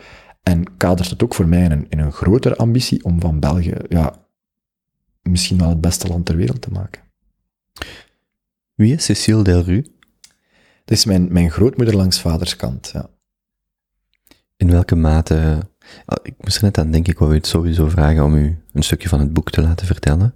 Als het ging over iemand die haar best gedaan heeft, de manier waarop je het beschrijft in het boek lijkt aan mij daar een voorbeeld van iemand die avant la lettre, of je beschrijft het zelf in het jaar 49, als ik het mij goed herinner, eh, eigenlijk een, eh, iets deed of iets ondernam of deel was van een groep van vrouwen die iets ondernam wat eigenlijk eh, op dat moment vrij ongezien was en waar dat de kiem van, tenminste een groot deel van uw verhaal, zoals het in het boek staat, ontstaan is. Kunt je iets over haar vertellen? Ah ja, ze is de, de moeder van mijn vader. Ik, ik weet niet altijd of mijn vragen duidelijk zijn. ik weet ook niet, of misschien ben ik gewoon niet, niet op, oplettend genoeg of zo, ik weet niet. Eh, ze is de moeder van mijn vader, is eh, drie, jaar, drie, jaar, drie zomers geleden gestorven op 94-jarige leeftijd, tot daar eh, de cijfers. Ehm, zij heeft samen met, met zij, was heel, zij was socialiste, ehm, is niet gedoopt geweest, destijds al niet. Dus ik moet denken, en drie jaar geleden, vier, ze zou nu 97 geweest zijn, Hm. destijds niet gedoopt. Was heel vrijzinnig, heel feministisch. Women rule the world in haar wereld, toen al. Ehm, zat ook in de politiek, was baas van de, was, was, was, baas, was, was een van de leidinggevenden binnen de mutualiteit in West-Vlaanderen, was van, is van Kortrijk. Ehm, en was ook zo wel heel hard dat socialisme gaat over samen dingen doen, om het voor, voor een groep beter te maken, om het allemaal beter te hebben. En niet zoals van ehm die groep tegen die groep opzetten of zo. Zij zag dat heel hard, maar voor, het moet, moet beter worden, maar voor iedereen. En zij zag ook wel dat ehm, een hele groep arbeiders, toen was er echt nog veel duidelijkere eh, eh, verschil tussen arbeidersbedienden, noem maar op, dat heel veel eh, kinderen van arbeiders gewoon nooit op reis gingen. En dat die gewoon de zee nog niet gezien hadden. Vandaag is dat nog altijd zo, dat, dat er nog altijd een groep mensen zijn die niet, die niet op reis kunnen. Of ik zie dat ook kinderen die de zee nog niet gezien hebben. Maar toen was dat nog veel erger. En dus zeggen ze, als we nu eens echt een statement van je welste maken en de sossen, maar niet alleen de sossen, de socialistische vrouwen, je zegt het, midden vorige eeuw, dus de rol van de vrouw was nog echt zo, hè, nog tweede rangs bijna. Wij kopen een villa aan van een baron. En in het rijke Nieuwpoort-Bas, Nieuwpoort-Bad, kopen wij op de dijk, tussen allemaal andere riante villa's, een iconische Normandische villa. Als je de Barkentijn kent of ziet, gaat je wel zien dat het echt een heel mooi gebouw is. En wij gaan dat gebruiken, niet voor rijk toerisme, maar voor sociaal toerisme. We gaan dat gebruiken om met de socialistische vrouwen kampen te organiseren, vakanties, voor iedereen die mee wil. Maar we gaan dat op een, zodanig, op een zodanige manier organiseren dat betaalbaar is, ook voor zij die anders niet naar de zee kunnen. We verlagen de drempel van toerisme. We verlagen de drempel om naar de zee te kunnen. En wie veel geld heeft, mag ook mee, hè. Maar we verlagen de drempel dat iedereen naar de zee kan. We vinden dat belangrijk. Socialisme draait ook om kunnen amuseren en genieten van het leven. We zijn hier allemaal maar één keer. En ik geloof dat de overheid u de tools moet geven en voor gelijkheid moet zorgen, of gelijke kansen moet zorgen, dat je kunt kiezen welke kansen je, je, je ten volle benut, welke niet. Maar dat je wel een aantal kansen benut. Dat is wel uw plicht ook dan, vind ik, dat je zelf een aantal kansen moet benutten. En misschien van één kans zelf twee maken en andere mensen kansen geven. Hè. Zo gaat het voort. Ehm, maar ook dat je moet kunnen genieten van het leven. En naar de zee gaan, denk ik. Ik weet niet of dat jij een zeemens bent. Eh, voor mij is dat toch echt wel genieten. Iedere keer nog. Ik zit daar nu al nu mee, van, de zo, van de jaar meer aan de zee gezeten dan in het binnenland bijvoorbeeld. Ik geniet daar nog iedere keer van. Als ik de afslag neem naar Nieuwpoort-Bad en ik rij de laan op om, om, en ik zie de zee, dan geniet ik daarvan. Dus ik begrijp heel goed wat dat, moet, wat dat, wat dat is voor mensen. En zeker voor kinderen die destijds nooit de zee gezien hadden, was dat een beleving. En dat is wel een, een ideologie die in het boek zit en die ik ook wel, wel, die ook wel nog altijd in onze kampen zit. Wij, onze kampen zijn voor, uh, van eh, youthskampen, met Z. Ehm, die kampen zijn eigenlijk eh, voor iedereen toegankelijk, voor mensen met beperking, uh, als het mogelijk is om, om, om ons aan te passen. Ehm, maar ook voor mensen met heel veel geld. Het zijn gewoon toffe kampen ook gewoon. De CEO van, van Filiers, uh, business leader van Procter Gamble, kinderen hebben bij mij in de groep gezeten. Ehm, maar het is op een zodanige manier georganiseerd, het is op een uh, zodanige manier onze prijszetting gedaan ook, is dat het zeer toegankelijk is voor zeer veel mensen. Ja. Dat is... Heette dat toen al uh, de Barkentijn? Nee, dat heette destijds Kindervreugde. Kindervreugde. Ja, en in de jaren 90 is het veranderd naar de Barkentijn. En was uw papa, die daar dan 40 jaar geleden, uh, sorry, 40 jaar lang gewerkt heeft, de zoon, dat is die tak van de familie? Ja, dus ja. mijn grootmoeder heeft dat mee uitgebaat. Uh, dat was niet haar enige job. Zij was leidinggevende bij de mutualiteit en dat gebouw viel mee onder haar. Dus ze was daarmee verantwoordelijk voor. Um, en mijn vader is gewoon, heeft dat gewoon overgenomen. Mm -hmm. Heeft u, uh, hebt je met uw grootmoeder, met die grootmoeder, over uh, die politieke ambities kunnen praten? Niet zo heel veel. Maar dat ik in Sint-Niklaas woonde en zij in Kortrijk, mm. hebben we niet zo heel veel contact gehad. Um, ik weet wel, als het ging over, over de Barkentijn of over de kampen, of als ik, zoals ik ook in het boek omschrijf, een periode heb gehad dat ik uh, op de kampen best wel ook wel wat uh, meningsverschillen heb gehad met de leidinggevenden en hoe, hoe ik het anders zag, uh, dan, dat was dan in Kortrijk altijd die ambrasvergaderingen, zeg maar. Hmm. Daarvoor reed ik wel even naar haar, om mij even op te peppen en, en ze moet niet pezen van deze. Voilà, dan begon ze met haar vinger omhoog en heel, heel fel hmm. in, in het West-Vlaams mij op te peppen en, en en altijd heel goed, dat deed ze altijd, altijd heel goed van, ze zijn vergeten zeker waarom dat we er dat ooit gekocht hebben. Ja, ze zijn vergeten waarom dat we dat doen zeker. En zo nog heel goed de ratio uitleggen van, hm. ja, voor wat dient dat? En waarom doen we dat? En dat was altijd wel nuttig om zo, zeker als je zo twintig jaar zit of zo, dan gaat op kamp en je vindt dat gewoon tof. Zij peperde daar toch wel altijd die ideologie zo in van, je weet toch waarom dat je dat doet? Je weet toch waarom dat, dat belangrijk is dat je dat doet? Je weet toch dat die kinderen niets anders hebben dan eens naar de zee gaan. Weet je wat dat doet voor een kind? In, op 1 september, als de juf vraagt, of de meester, wat heb je gedaan, wat heb je gedaan van de zomer?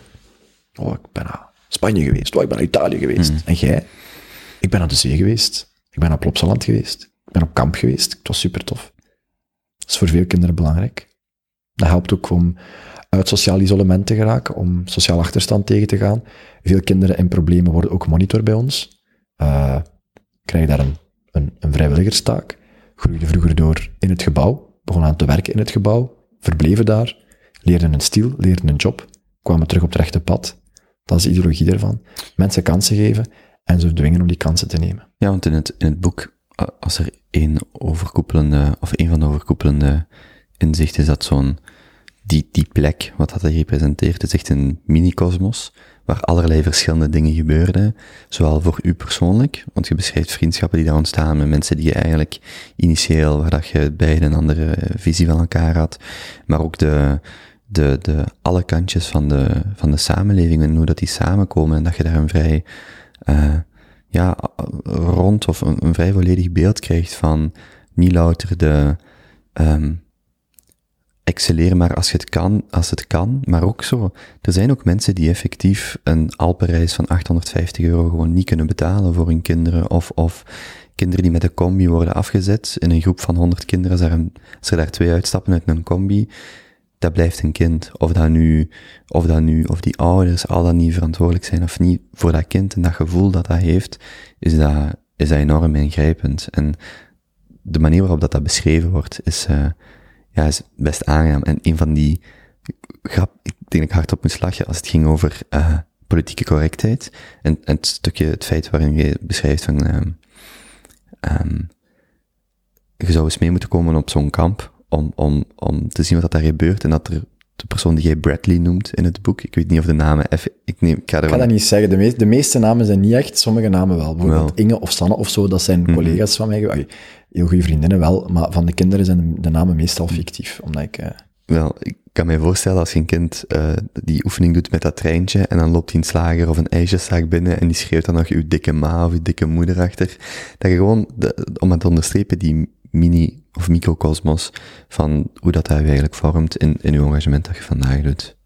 Ja, ik ben gewoon niet, niet rap uh, onder de indruk van omstandigheden, zeg maar. Omdat ik dat voor een deel, ik heb helemaal niet de jeugd meegemaakt, dat die kinderen hebben meegemaakt. Maar ik heb wel heel veel met zo'n gasten gewerkt. En wat, wat mij altijd inspireerde aan die gasten, was wel zo de fight spirit. Mm. Kom maar op. Lang, lang dacht ik eigenlijk dat we een boek, Kom maar op, zoals van Toffa Commerce, de, de single, gingen noemen. Omdat die...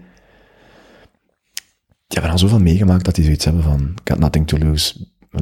Kom maar op. Zo. En als je daar iets positiefs mee kunt doen, dat probeer ik hen altijd te motiveren van, oké, je hebt al dingen meegemaakt in jullie leven die, die gemiddelde jongeren niet meemaken, maak daar een sterkte van.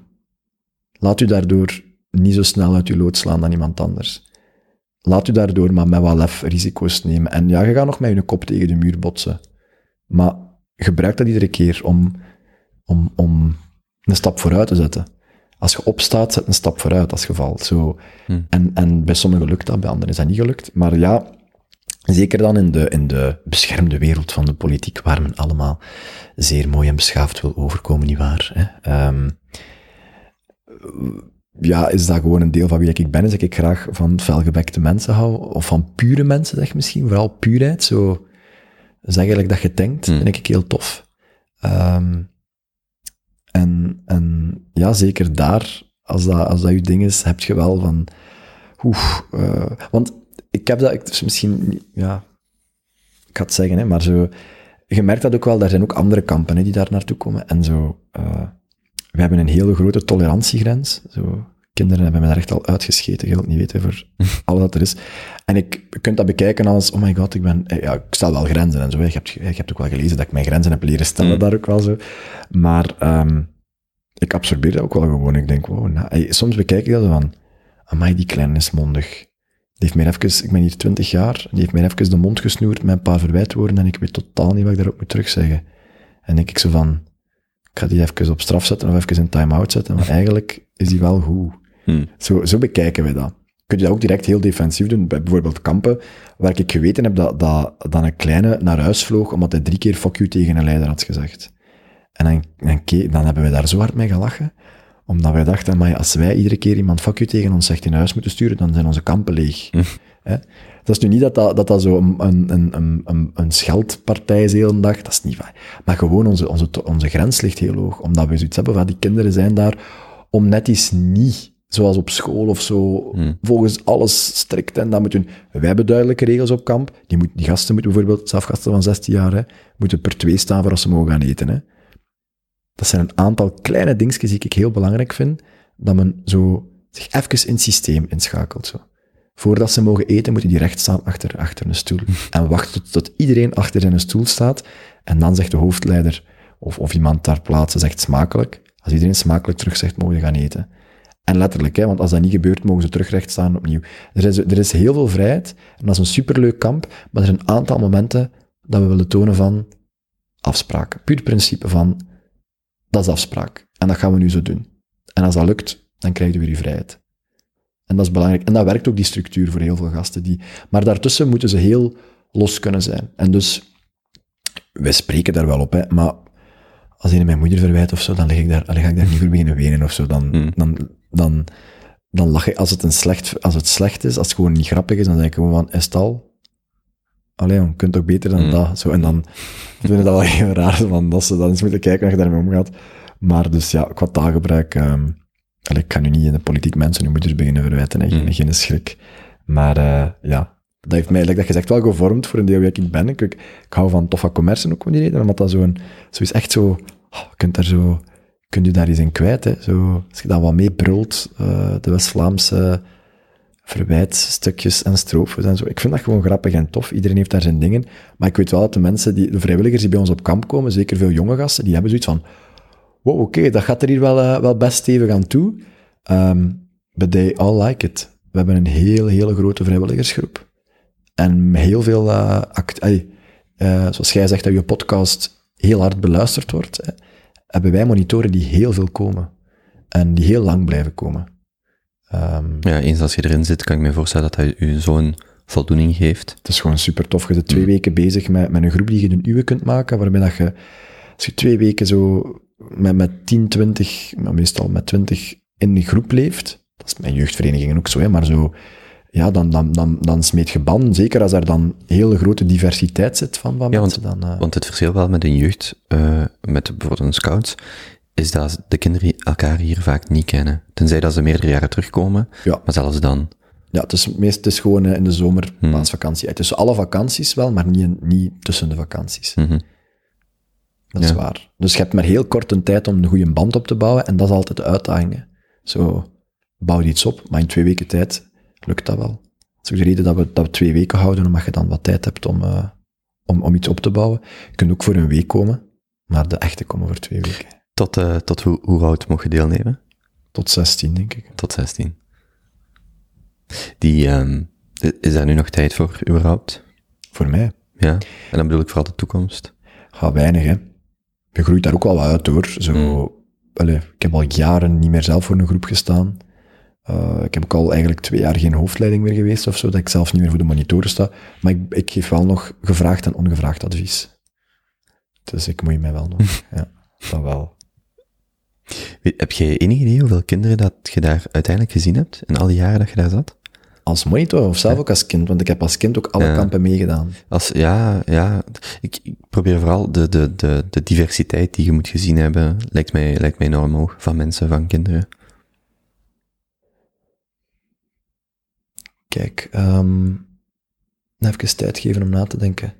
Ik zal rekenen de periode dat ik zelf monitor geweest ben, want daarvoor allee, dat is gewoon onbegonnen werk om te tellen. Ik heb alle vakanties en kampen meegedaan als kind ook. Hè. Dus dat wil zeggen, drie maanden, per- drie maanden per jaar zat ik op kamp. Hm. Eh, van mijn vijf jaar. Dus je kunt tellen, hè. Ehm, maar ik zal rekenen, op mijn vijftien ben ik begonnen als vrijwilliger. Vanaf je vijftien kun je beginnen. Dat je 16 wordt, hè. Eh, en tot mijn, ja, mag ik van de zomer meetellen? Ik heb nog op kamp geslapen, dus waarschijnlijk wel. Ehm, dat is 12, 12, 13 jaar. Waarbij dat ik toch per week een 150 kinderen zag. Minstens. Vroeger was het nog meer. We zijn iets, we zijn teruggevallen.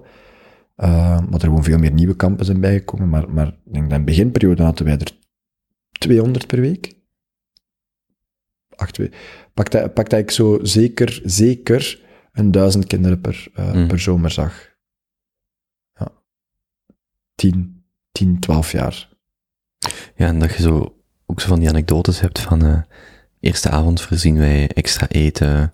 En dat het ging over de discussie over eh, bijvoorbeeld of je al dan niet nog naar Plopsaland kon gaan. En dat soort dingen dat je eigenlijk met het boek te lezen merkt van het zijn, het zijn vaak niet zo de grote verschillen. eh draagt iemand een, een, een, eh, een hoofddoek, komt die, eh, heeft hij die achtergrond of zus, maar dat je het, het in de heel kleine dingen ziet van, ah wacht, hier is iets, hier is iets anders aan dan bijvoorbeeld die kinderen die dan uitgangerd bij wijze van spreken afkomen of een week op, of twee weken op kamp gaan en begot één jeansbroek en één paar sokken meekrijgen.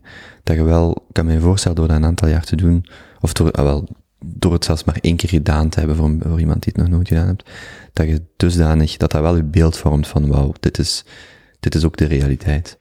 Ja, en ik ben, ik ben ook, en dat meen ik ook echt, want ik, ik heb het ook allemaal niet alleen gedaan. Hè, dus we zijn Mm. met een heel grote groep, eigenlijk, een heel grote vrijwilligersgroep. Ehm, ik ben ook super fier op al die andere, al mijn collega's en ook alle gasten die na ons komen of voor ons zijn geweest, eh, dat die dat doen en dat je dat volhoudt. Want soms is het heel zwaar. Hè?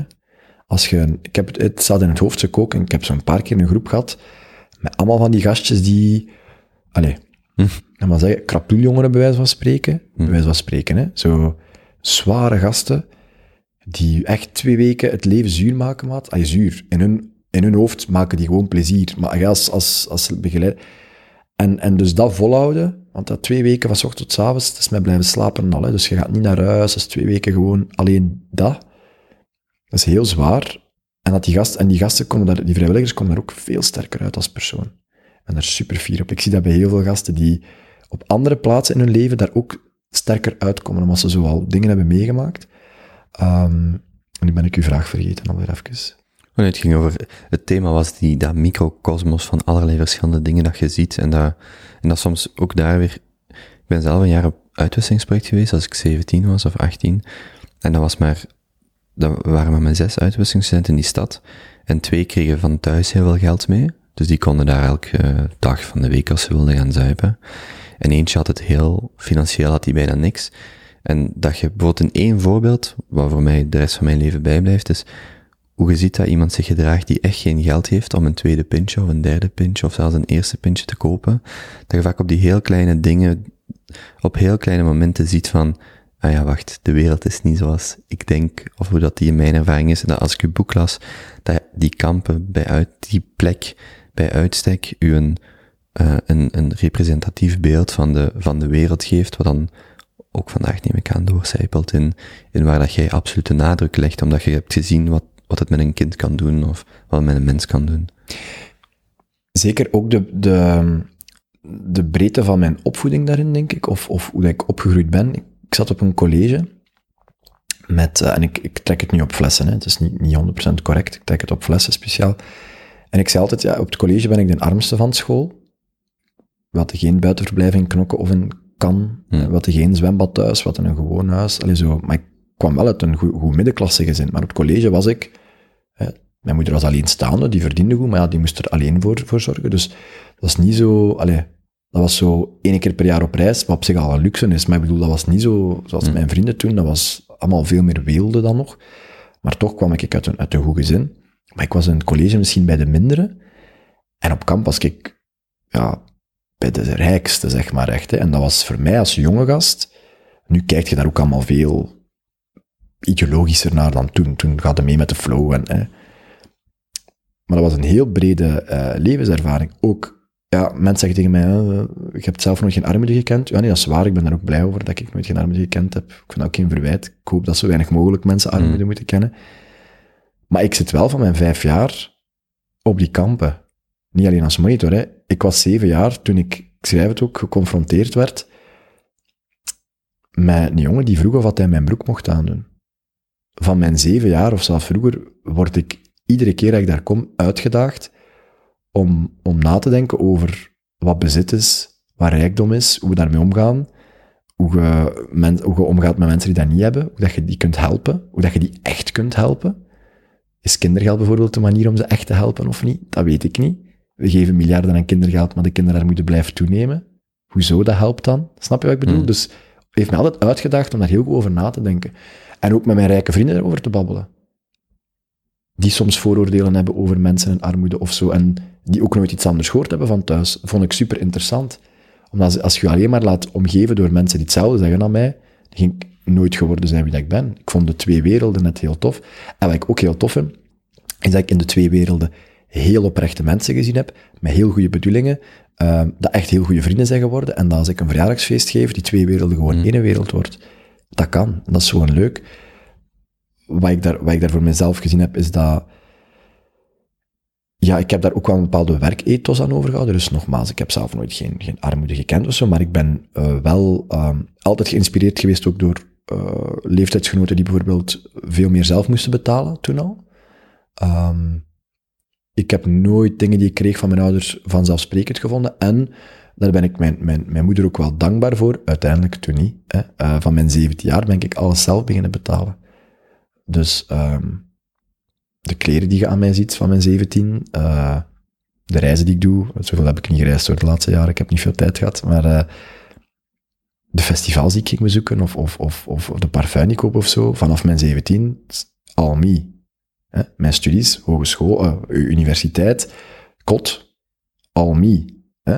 Dus voor een deel heb ik, heb ik wel geleerd hoe je voor jezelf moet zorgen en, en wat de waarde van geld is.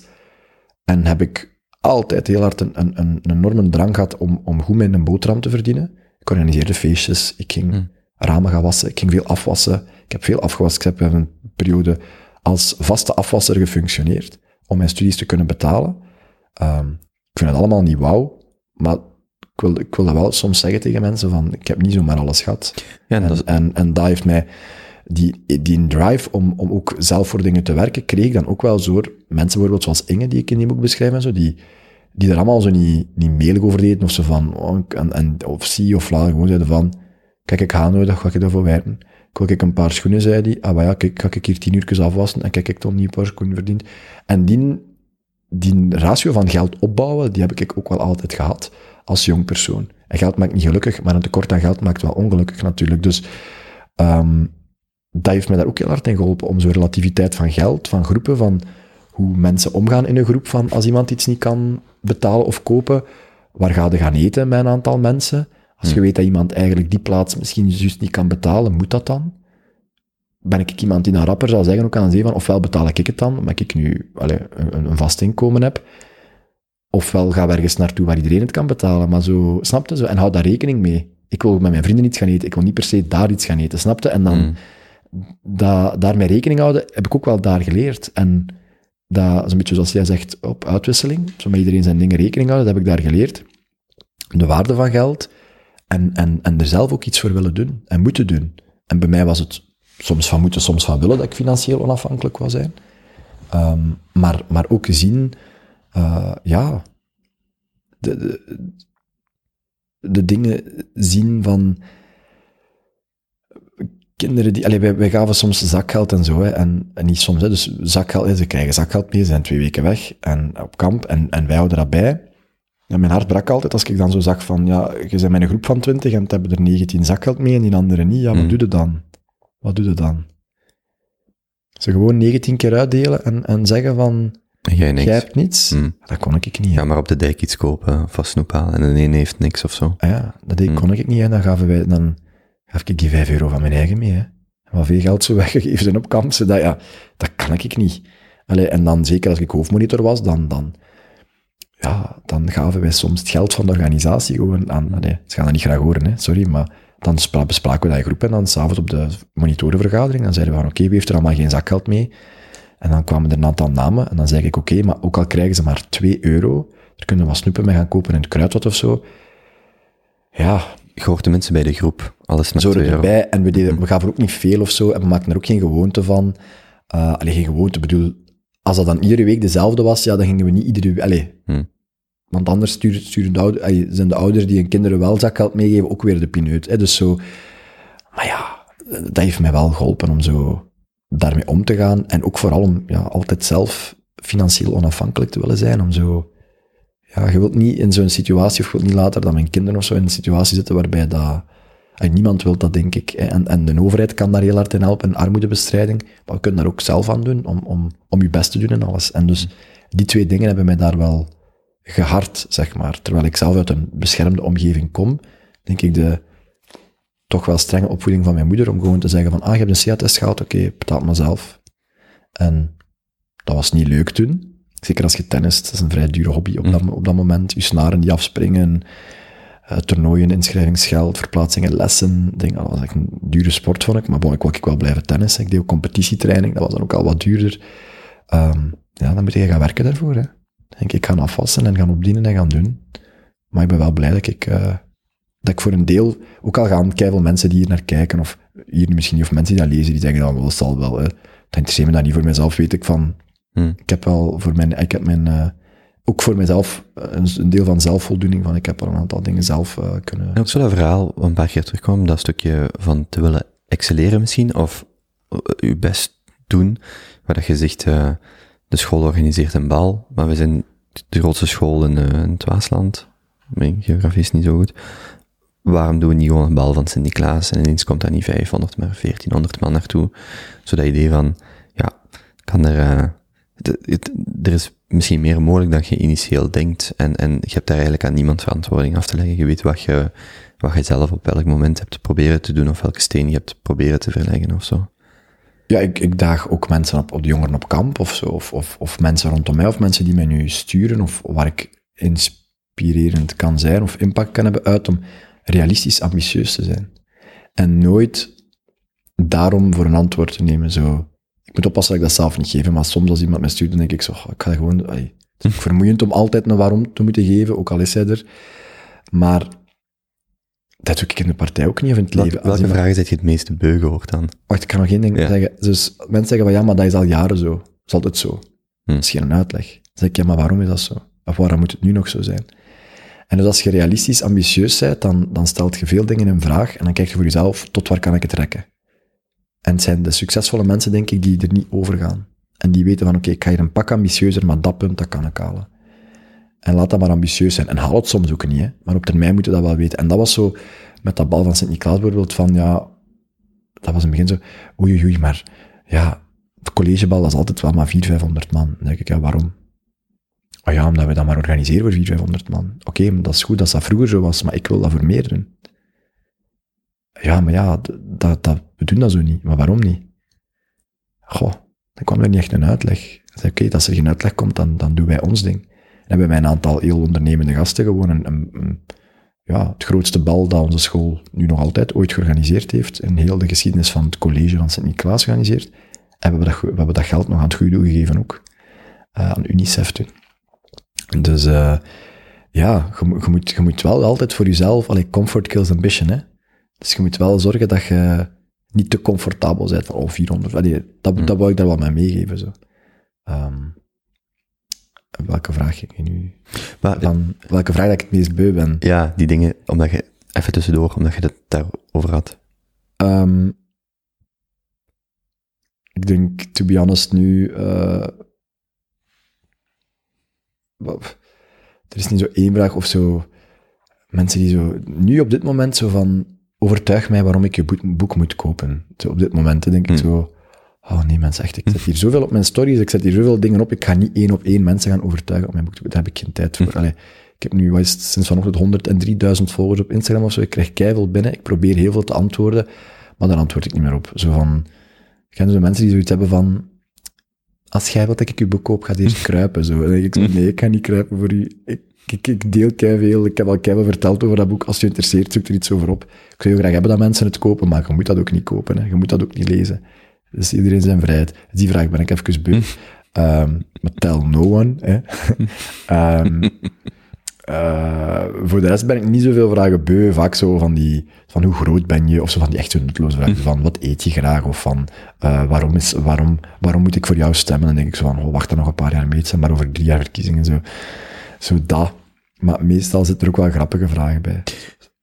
Waarom drie coverkleuren? Drie toch? Vier. Vier. Dus we hebben rood, hè, eh, en dan oranje. ehm, Blauw. Oranje, ja, blauw en dan groen. En waarom eigenlijk? Eh, ja, alleen rood ging weer zo cliché zijn. Weet je zo, de SOS brengt een boek uit, we doen het in het rood. Hey, Ik heb wel de rode gekocht. ja, maar dat mag, hè. Maar zo, weet je, dat was bij mij zo van... Zo ah, typisch, stereotype. Ja, zo weet je, comfort code ambition van, ah, misschien gaan we daar eens iets Hmm. anders mee doen. Het was niet mijn idee, kan je eerlijk zijn. Uh, alleen, of niet volledig mijn idee, maar ehm, de verschillende kleuren, ik vond het direct een goed idee. Ik dacht, ja, dat toont ook aan dat je geen sos moet zijn om in een boek te lezen. Je kunt er wel in worden als je hem leest. Hm. Er zijn meer mensen sos zonder dat ze het zelf beseffen. Maar voor mij moet je zelf ook geen sos noemen. Iedereen is welkom die mee een aantal positieve dingen wil doen en het land in verandering wil brengen en ook die ambitie heeft om van, van België of Vlaanderen het beste land ter wereld te maken en hetgeen al goed is nog veel beter te maken of hetgeen dat slecht is het goed te maken. En die dat engagement wil ik losweken bij mensen. Je moet je daarvoor niet de gelofte van het socialisme afleggen. Het zou goed zijn. Het nieuwe socialisme, het moderne socialisme. Ehm, en die, drie, die, die vier kleuren geven, geven daar voor mij ook wel gestalten aan van, het is niet meer zo enggeestig van, sos, rood. Natuurlijk blijft rood onze kleur, maar kies de kleur dat je zelf wilt. Zo. Mhm. That's it eigenlijk. Er zit geen ander inhoud in of zo, want ik krijg ook veel die vraag van, ehm, wat is het verschil tussen het rode en het oranje? Dat is gewoon de kleur. Hè? Dat is het verschil tussen de twee. Eh, maar ja, ik denk dat het leuk is. Er zijn mensen die dat dan verschillende kopen, omdat ze verschillende kleuren willen. Dat is te beter. Hè? Maar ehm, ja, ik vind zelf eigenlijk het oranje het mooiste. Dat is nog het grofste van al, ambetanse van al. Maar dat oranje is een heel schoon oranje op die kaft, vind ik. Mhm. Dat groen is ook heel schoon. Dat blauw niet. Dat blauw vind ik niet schoon. Eh, Dat rood is ook schoon, maar zo als ik in volgorde zou moeten zeggen, zou ik zeggen het oranje, het groene, het rode en het blauwe. Van kleur van een boek, hè. hmm. Ja, niets anders. Die, ik, ik denk, ehm, wat ik zo met u het meest associeer, is, eh, of, of misschien het, het, het compliment of het stuk dat ik, we hadden het net voordat we begonnen op te nemen even over, hè, met, eh, met wie praat je en, en, en wat is belangrijk. Ehm, wat ik zie bij veel generatiegenoten, of dat nu straks komt, eh allee, straks, ergens volgend jaar komt Thomas Dermien langs, maar evengoed een Sami Medi, evengoed een jij, onder andere ook een Dries van Langenhoven mijne. Zo het idee van, we zijn allemaal generatiegenoten, het is een heel grote generatie van de millennials dan. We hebben nog een paar jaar dat we kunnen zeggen, ja, ja het, zijn de, het is de oudere generatie die aan de, eh, die, de, de Alexander de Kroos en de Bart de Wevers. Maar een, een heel grote, ehm, een heel hoog enthousiasme en verwachtingen van mensen van onze leeftijd van geef ons nog tien jaar en wij zijn de mensen, de dertigers, veertigers vandaag die in die leidinggevende functies zitten. En ik vind wat, wat die vernieuwing aangaat, of dat politieke uitstraling die jij ver, verlichamelijkt, ehm, of belichaamt, is zo een soort van mm, politiek debat op gang brengen. Een soort van, we leven allemaal samen, ideeën binnen de democratische arena kunnen wat verschillen, maar we moeten het wel zelf in handen nemen. We hebben zelf die, die, die keuzes, eh, die, die liggen voor ons. En wij, wij zijn, wij zijn ondertussen oud genoeg om die keuzes te maken. En zowel uw, verhaal van de jongste partijvoorzitter of, of de verhalen in dat boek, die onderstrepen wel die impliciete boodschap. En, en dat vind ik eigenlijk nog misschien het mooiste aan, aan, aan u bezig te zien, te horen van, de, je hebt altijd een marge om, om iets te veranderen. En, en ik trek dat dan ook wel op die, op die generatie van, wacht wij, wij, ik wil het ook niet zo in een wij-zij-kamp steken, maar er is wel een bepaalde verantwoordelijkheid die kan worden opgenomen. En dat vind ik een, eh, een, een dat metathema van bijvoorbeeld uw boek, eh, vind ik daar een mooi voorbeeld van. Ja, ik wil impact hebben. En ik denk dat onze generatie enorme impact kan hebben en zal moeten hebben. Ik denk, wat, wat heel veel mensen frustreert, wat ook heel veel antipolitiek heeft gevoed, is dat er heel veel dingen stilgelegen hebben, heel veel werven hebben stilgelegen, heb ik het gevoel, in, in België. En stilstaan is achteruitgaan, klinkt het cliché, maar luidt het cliché, maar dat is ook zo. Als andere landen in Europa vooruit gaan en wij blijven stilstaan, dan gaat het achteruit. En ik voel wel over de partijgrenzen heen, en ik denk dat wij daar met onze partij ook wel echt nu, denk ik met mij en met onze nieuwe ploeg ook wel echt eh, geluid aan geven, of, of, of gerucht aan geven, of gewicht aan geven, of je weet wat ik bedoel, hè, Ehm, is die, die, die drive om dingen te veranderen en te doen. Ik zie heel veel mensen rondom mij, die freelancers, start-up, maar op, die, die zo de dingen op hun manier doen en geen genoegen meer nemen met status quo omdat onze generatie gaat ook, denk ik, de eerste zijn die gaat botsen tegen die muur van de vooruitgang. Op een bepaalde manier. Of de vrees is er toch. Onderzoek wijst dat ook uit, dat heel veel mensen van onze generatie bang zijn dat we het niet meer gaan beter hebben dan onze ouders. Terwijl onze ouders het beter hadden dan hun ouders, en die het weer beter hadden dan hun ouders. En hoe we daarmee omgaan gaat voor een deel mentale inspanning zijn, want ja, we worden wel de mentale pussies genoemd. Hè. Vroeger hebben ze een oorlog meegemaakt, hè, en ze nog gaan vechten, hè, wat de legerdienst, en nu zit het allemaal hè, te wenen en depressief van niets. Burn-out en nog nooit gewerkt, is dan het stereotype. Ja, hè, zo. En ik vind ook dat mag geen hype worden. Hè. Zo, Want dat is altijd zo. Het zijn dan de mensen die er echt van sufferen, die dan niet genoeg geholpen worden omdat iedereen het plots heeft. Hè. Zo, daar moeten we voor oppassen dat het geen hype wordt en dat we weerbaar blijven en dat we ons best doen.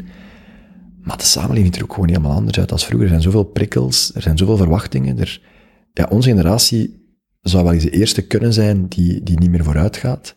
En dat mogen wij niet accepteren. Hè. En daarom dat je in de politiek ook kunt en moet, ik zie dat van mij als een van mijn hoofdtaken, om, ja, fuck het status quo zou ik bijna zeggen, van om toch dingen gedaan te krijgen, om die werven die zo lang hebben stilgelegen, rond klimaat, maar ook rond mobiliteit, rond, rond, rond, rond fiscaliteit, rond, rond, rond armoede, onderwijs, noem maar op, zoveel dingen, dat we die, eh, dat we die terug in gang shotten, hè, dat we die machinerie terug in gang steken, dat we aan die machine sleutelen, dat we een nieuwe machine bouwen, het interesseert mij niet, maar dat we daar wel, dat we daar wel ja, vooruitgang in kunnen, in kunnen boeken. Dat hoop ik toch te kunnen doen uh, met, met vooruit, met onze beweging. Denk ik dat we daar een heel groot platform kunnen bieden voor allemaal mensen die van onderuit willen instromen en zeggen van oké, let's do this. Um, en ik hoop we met dit regeerakkoord al een eerste steen verlegd te hebben, maar het mag nog veel meer zijn. Het moet nog veel meer worden. Is in dat, ik moet goed nadenken dat, ik de vraag juist stel, maar is in dat opzicht voor u dit jaar wel een uh, blessing in disguise, een, uh, een, een cadeau in de zin dat, als, als ik daar straks zei over uw jaar, je hebt zowel, zat je mee aan de knoppen voor die noodregering tussen de PS en de NVA, als ook de Vivaldi-regering die vandaag in, in functie is, dat net doordat het een, op een bepaalde mate een chaosjaar was, waar eigenlijk een soort van tabula rasa was van oude systemen, van oude verhoudingen, dat, dat het voor u een, een voordeel heeft gegeven om met een nog meer een carte blanche eigenlijk te kunnen zeggen, ik ben nu de nieuwe voorzitter, of wacht, ik sta voor een bepaald idee met de partij, met het, het, socialistische idee, en dat u dan net meer manoeuvreerruimte gaf, omdat die oude ideeën misschien om, omwille van corona, omwille van het chaosjaar, sowieso al meer verstoord werden? Goh, niet helemaal, denk ik. Ik denk het feit dat die regeringsvorming weer zo fucking lang geduurd heeft, dat toont wel aan dat er nog een hele oude manier van aan politiek doen is. Wat mij wel geholpen heeft, hoe raar ook, is dat het moment dat ik dan voorzitter werd en het toch wel op mijn manier begon te doen, dat ook wel meer opviel. Snapte? Als er, uh, als, als er iemand komt die dingen anders wil doen, uh, of die, die zich wat afstoot van die klassieke of oude manier om aan politiek te doen, en men ziet net weer het resultaat van die oude manier om aan politiek te doen, dat dat heel hard contrasteert. Dat heeft mij wel geholpen om mijn profiel uh, te zetten. Of je daardoor meer manoeuvreerruimte krijgt, dat weet ik niet. Ik zeg het, in de politiek krijg je niets. Je moet, het, je moet, er, je moet zelf je ruimte creëren voor een deel. Um, ik denk, het leven krijgt ook niet veel. Je moet zelf je, je verhaal maken en je, en je ruimte zetten. Um, ja. Het was sowieso een bijzonder jaar. Maar sowieso, ik, heb dat, ik zeg dat tegen al die interviews, zo, als ik moet heel veel eindejaarsinterviews doen. Hm. Um, ik ben heel slecht in zo het geheel te overschouwen. Ik heb echt wel, als wij heel hard in een, in een, in de, in de, in de zone gezeten dit jaar. Dus ik heb nooit zo, zo die momenten in de lockdown wel, maar, maar niet tijdens de momenten zelf zo een stap uit mezelf gezet. Dat ik dacht van, wat ben ik nu aan het doen? Zo, Hm. ik ben vooral, vooral blijven gaan eigenlijk. Ja. Ik kijk even naar de tijd. Is er iets wat ik uh, u... Wacht, ik, vraag meestal altijd, waar kunnen mensen u vinden? In dit geval neem ik aan, voornamelijk via Instagram. Maar begint het daar te veel te worden om het nog te overzien? Dat ga ik zien. Ik, heb de, bepaald, tot, tot een paar weken geleden echt alles en iedereen altijd kunnen beantwoorden. Nu pik ik er dingen uit. Dus mensen mogen nog altijd sturen. Vaak uh, antwoord ik wel nog, maar niet meer op alles en iedereen altijd. Hmm. Dat lukt niet meer.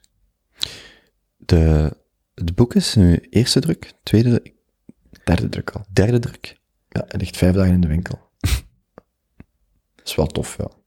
Is het, is het, is het, voelt u dat een eerste boek in een reeks van, in, in een verhaal wat blijft geschreven worden? Nee, want mijn verhaal van mijn kampen heb ik nu verteld. Hm. Uh, maar van uw verhaal?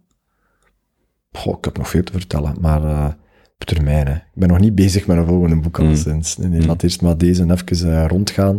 Ik hoop er vooral mensen mee te kunnen, ik zeg het, amuseren, ontroeren, inspireren. Eh, niet innerveren, maar ja, daar laat ik aan de lezer over. Ehm, dat eigenlijk vooral. En misschien de, de tijd nemen voor sommigen om te tonen wie dat ik echt ben, omdat je het net ook zegt van ja, iedereen plakt etiketten op u en maakt het verhaal zo goed of zo slecht als ze zelf willen.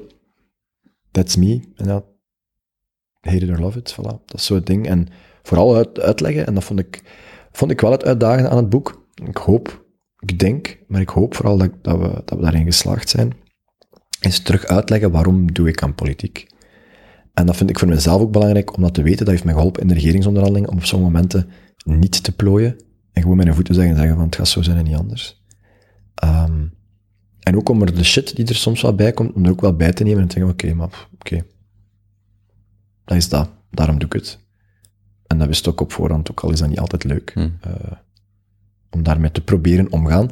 Maar ook eh dat kopen, het is voor mij ook allemaal nieuw en veel dingen zijn de eerste keer. Dus eh, er is weinig voorbeeld van op die leeftijd partijvoorzitter zijn en regering vormen en, en er maar je ding mee doen. Dus ik ga er mijn ding mee doen en ik hoop dat, allee, dat is zo, het is nog altijd een beetje zo ja, eh, ik ben zo in het, water ges- ge- gesmeten en, ik heb moeten, ik heb moeten peddelen, allee, moeten boven water blijven en moeten zwemmen.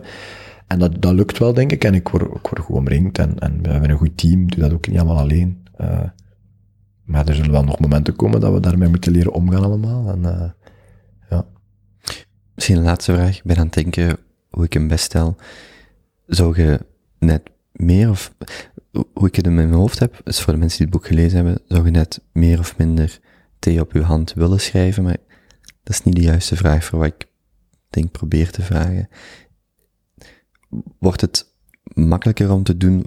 Ik associeer dat, dat je die herinnering misschien nodig hebt op het moment dat het moeilijker gaat. En dan zou de vraag zijn, wordt het net makkelijker met de tijd of blijft het gewoon constant een, waar ben ik eigenlijk mee bezig? Maar ik weet niet of die, die T-referentie, of dat de juiste, of dat daarmee overlapt. Die thee gebruik ik meestal wel vooral om te relativeren en, en zoiets te hebben van, oké, je hebt nu stress, maar er zijn veel andere dingen om stress voor te hebben, of je voelt je niet onzeker, maar gewoon doen. En dat lukt mij wel. Ik, kan, ik, kan, ik, ik ben helemaal niet zo zelfzeker of dat mensen denken. En dus dan is dat wel, als je zo, ja, als, als je je een dag niet goed voelt en je ziet zo eh, honderden reacties over uw persoon, of over je uiterlijk, zoals gezegd, of over wie dat je zijt, of, of wie dat je niet zijt, of, ehm, dan moet je daar wel mee omgaan, maar dat lukt. Maar eh, het helpt mij wel altijd zo om de knop om te draaien.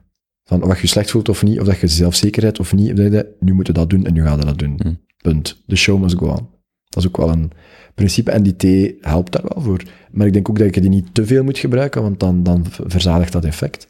Ik gebruik die op momenten dat ik denk van oké, nu moet ik er staan. Nu moet ik er echt staan. Nu ga ik niet wenen dat ik zeer heb in mijn buik, of dat ik koppijn heb, of dat ik me slecht voel, of dat ik me niet goed in mijn vel voel, of, of, eh, of, of noem maar op, of dat er honderd mensen mij eens op hln.be gehaat hebben of zo. Nee, nu ga ik er staan, nu ga ik mijn ding doen, nu, nu ga ik, eh, nu ga ik, allee, nu ga ik presteren, ja. Helpt. Connor, dank u wel om tot hier te komen. Merci voor de tijd, het is fijne babbel. En eh, ik zou zeggen, heel succes. Ik Ben, ik volg het heel graag op de voet. En is heel leuk. Ik heb het al een paar keer gezegd. Het is leuk om generatiegenoten, mensen van mijn leeftijd, onze leeftijd, bezig te zien, omdat het impliciet mij tenminste motiveert om ook die steen proberen te verleggen. En alleen al daarvoor, eh, ja, ja, ehm, Ja, we zijn allemaal, we hebben allemaal een verantwoordelijkheid. Iedereen die kijkt, iedereen die dingen doet, om een impact te hebben in, in, uw, in uw eigen omgeving, in de omgeving daarbuiten. We kunnen allemaal dingen doen om ook met onze generatie erop vooruit te gaan. ik wens u het beste toe en eh, geniet van de eindejaarsfeesten in de mate dat dat kan. Jullie ook. En volg de regels. Als je geniet van gesprekken zoals deze, abonneer je dan op Spotify of YouTube, geef een recensie op Apple Podcasts of volg me op Instagram, at de Kobe Show. Ik zit ook op Twitter, at Kobe van. Een podcast zoals deze luister ik aan gratis, maar het maken is dat helaas niet. Als je waarde in deze gesprekken vindt, overweeg dan om bij te dragen via kobe.show steun. Zoals altijd, dank om te luisteren en tot gauw.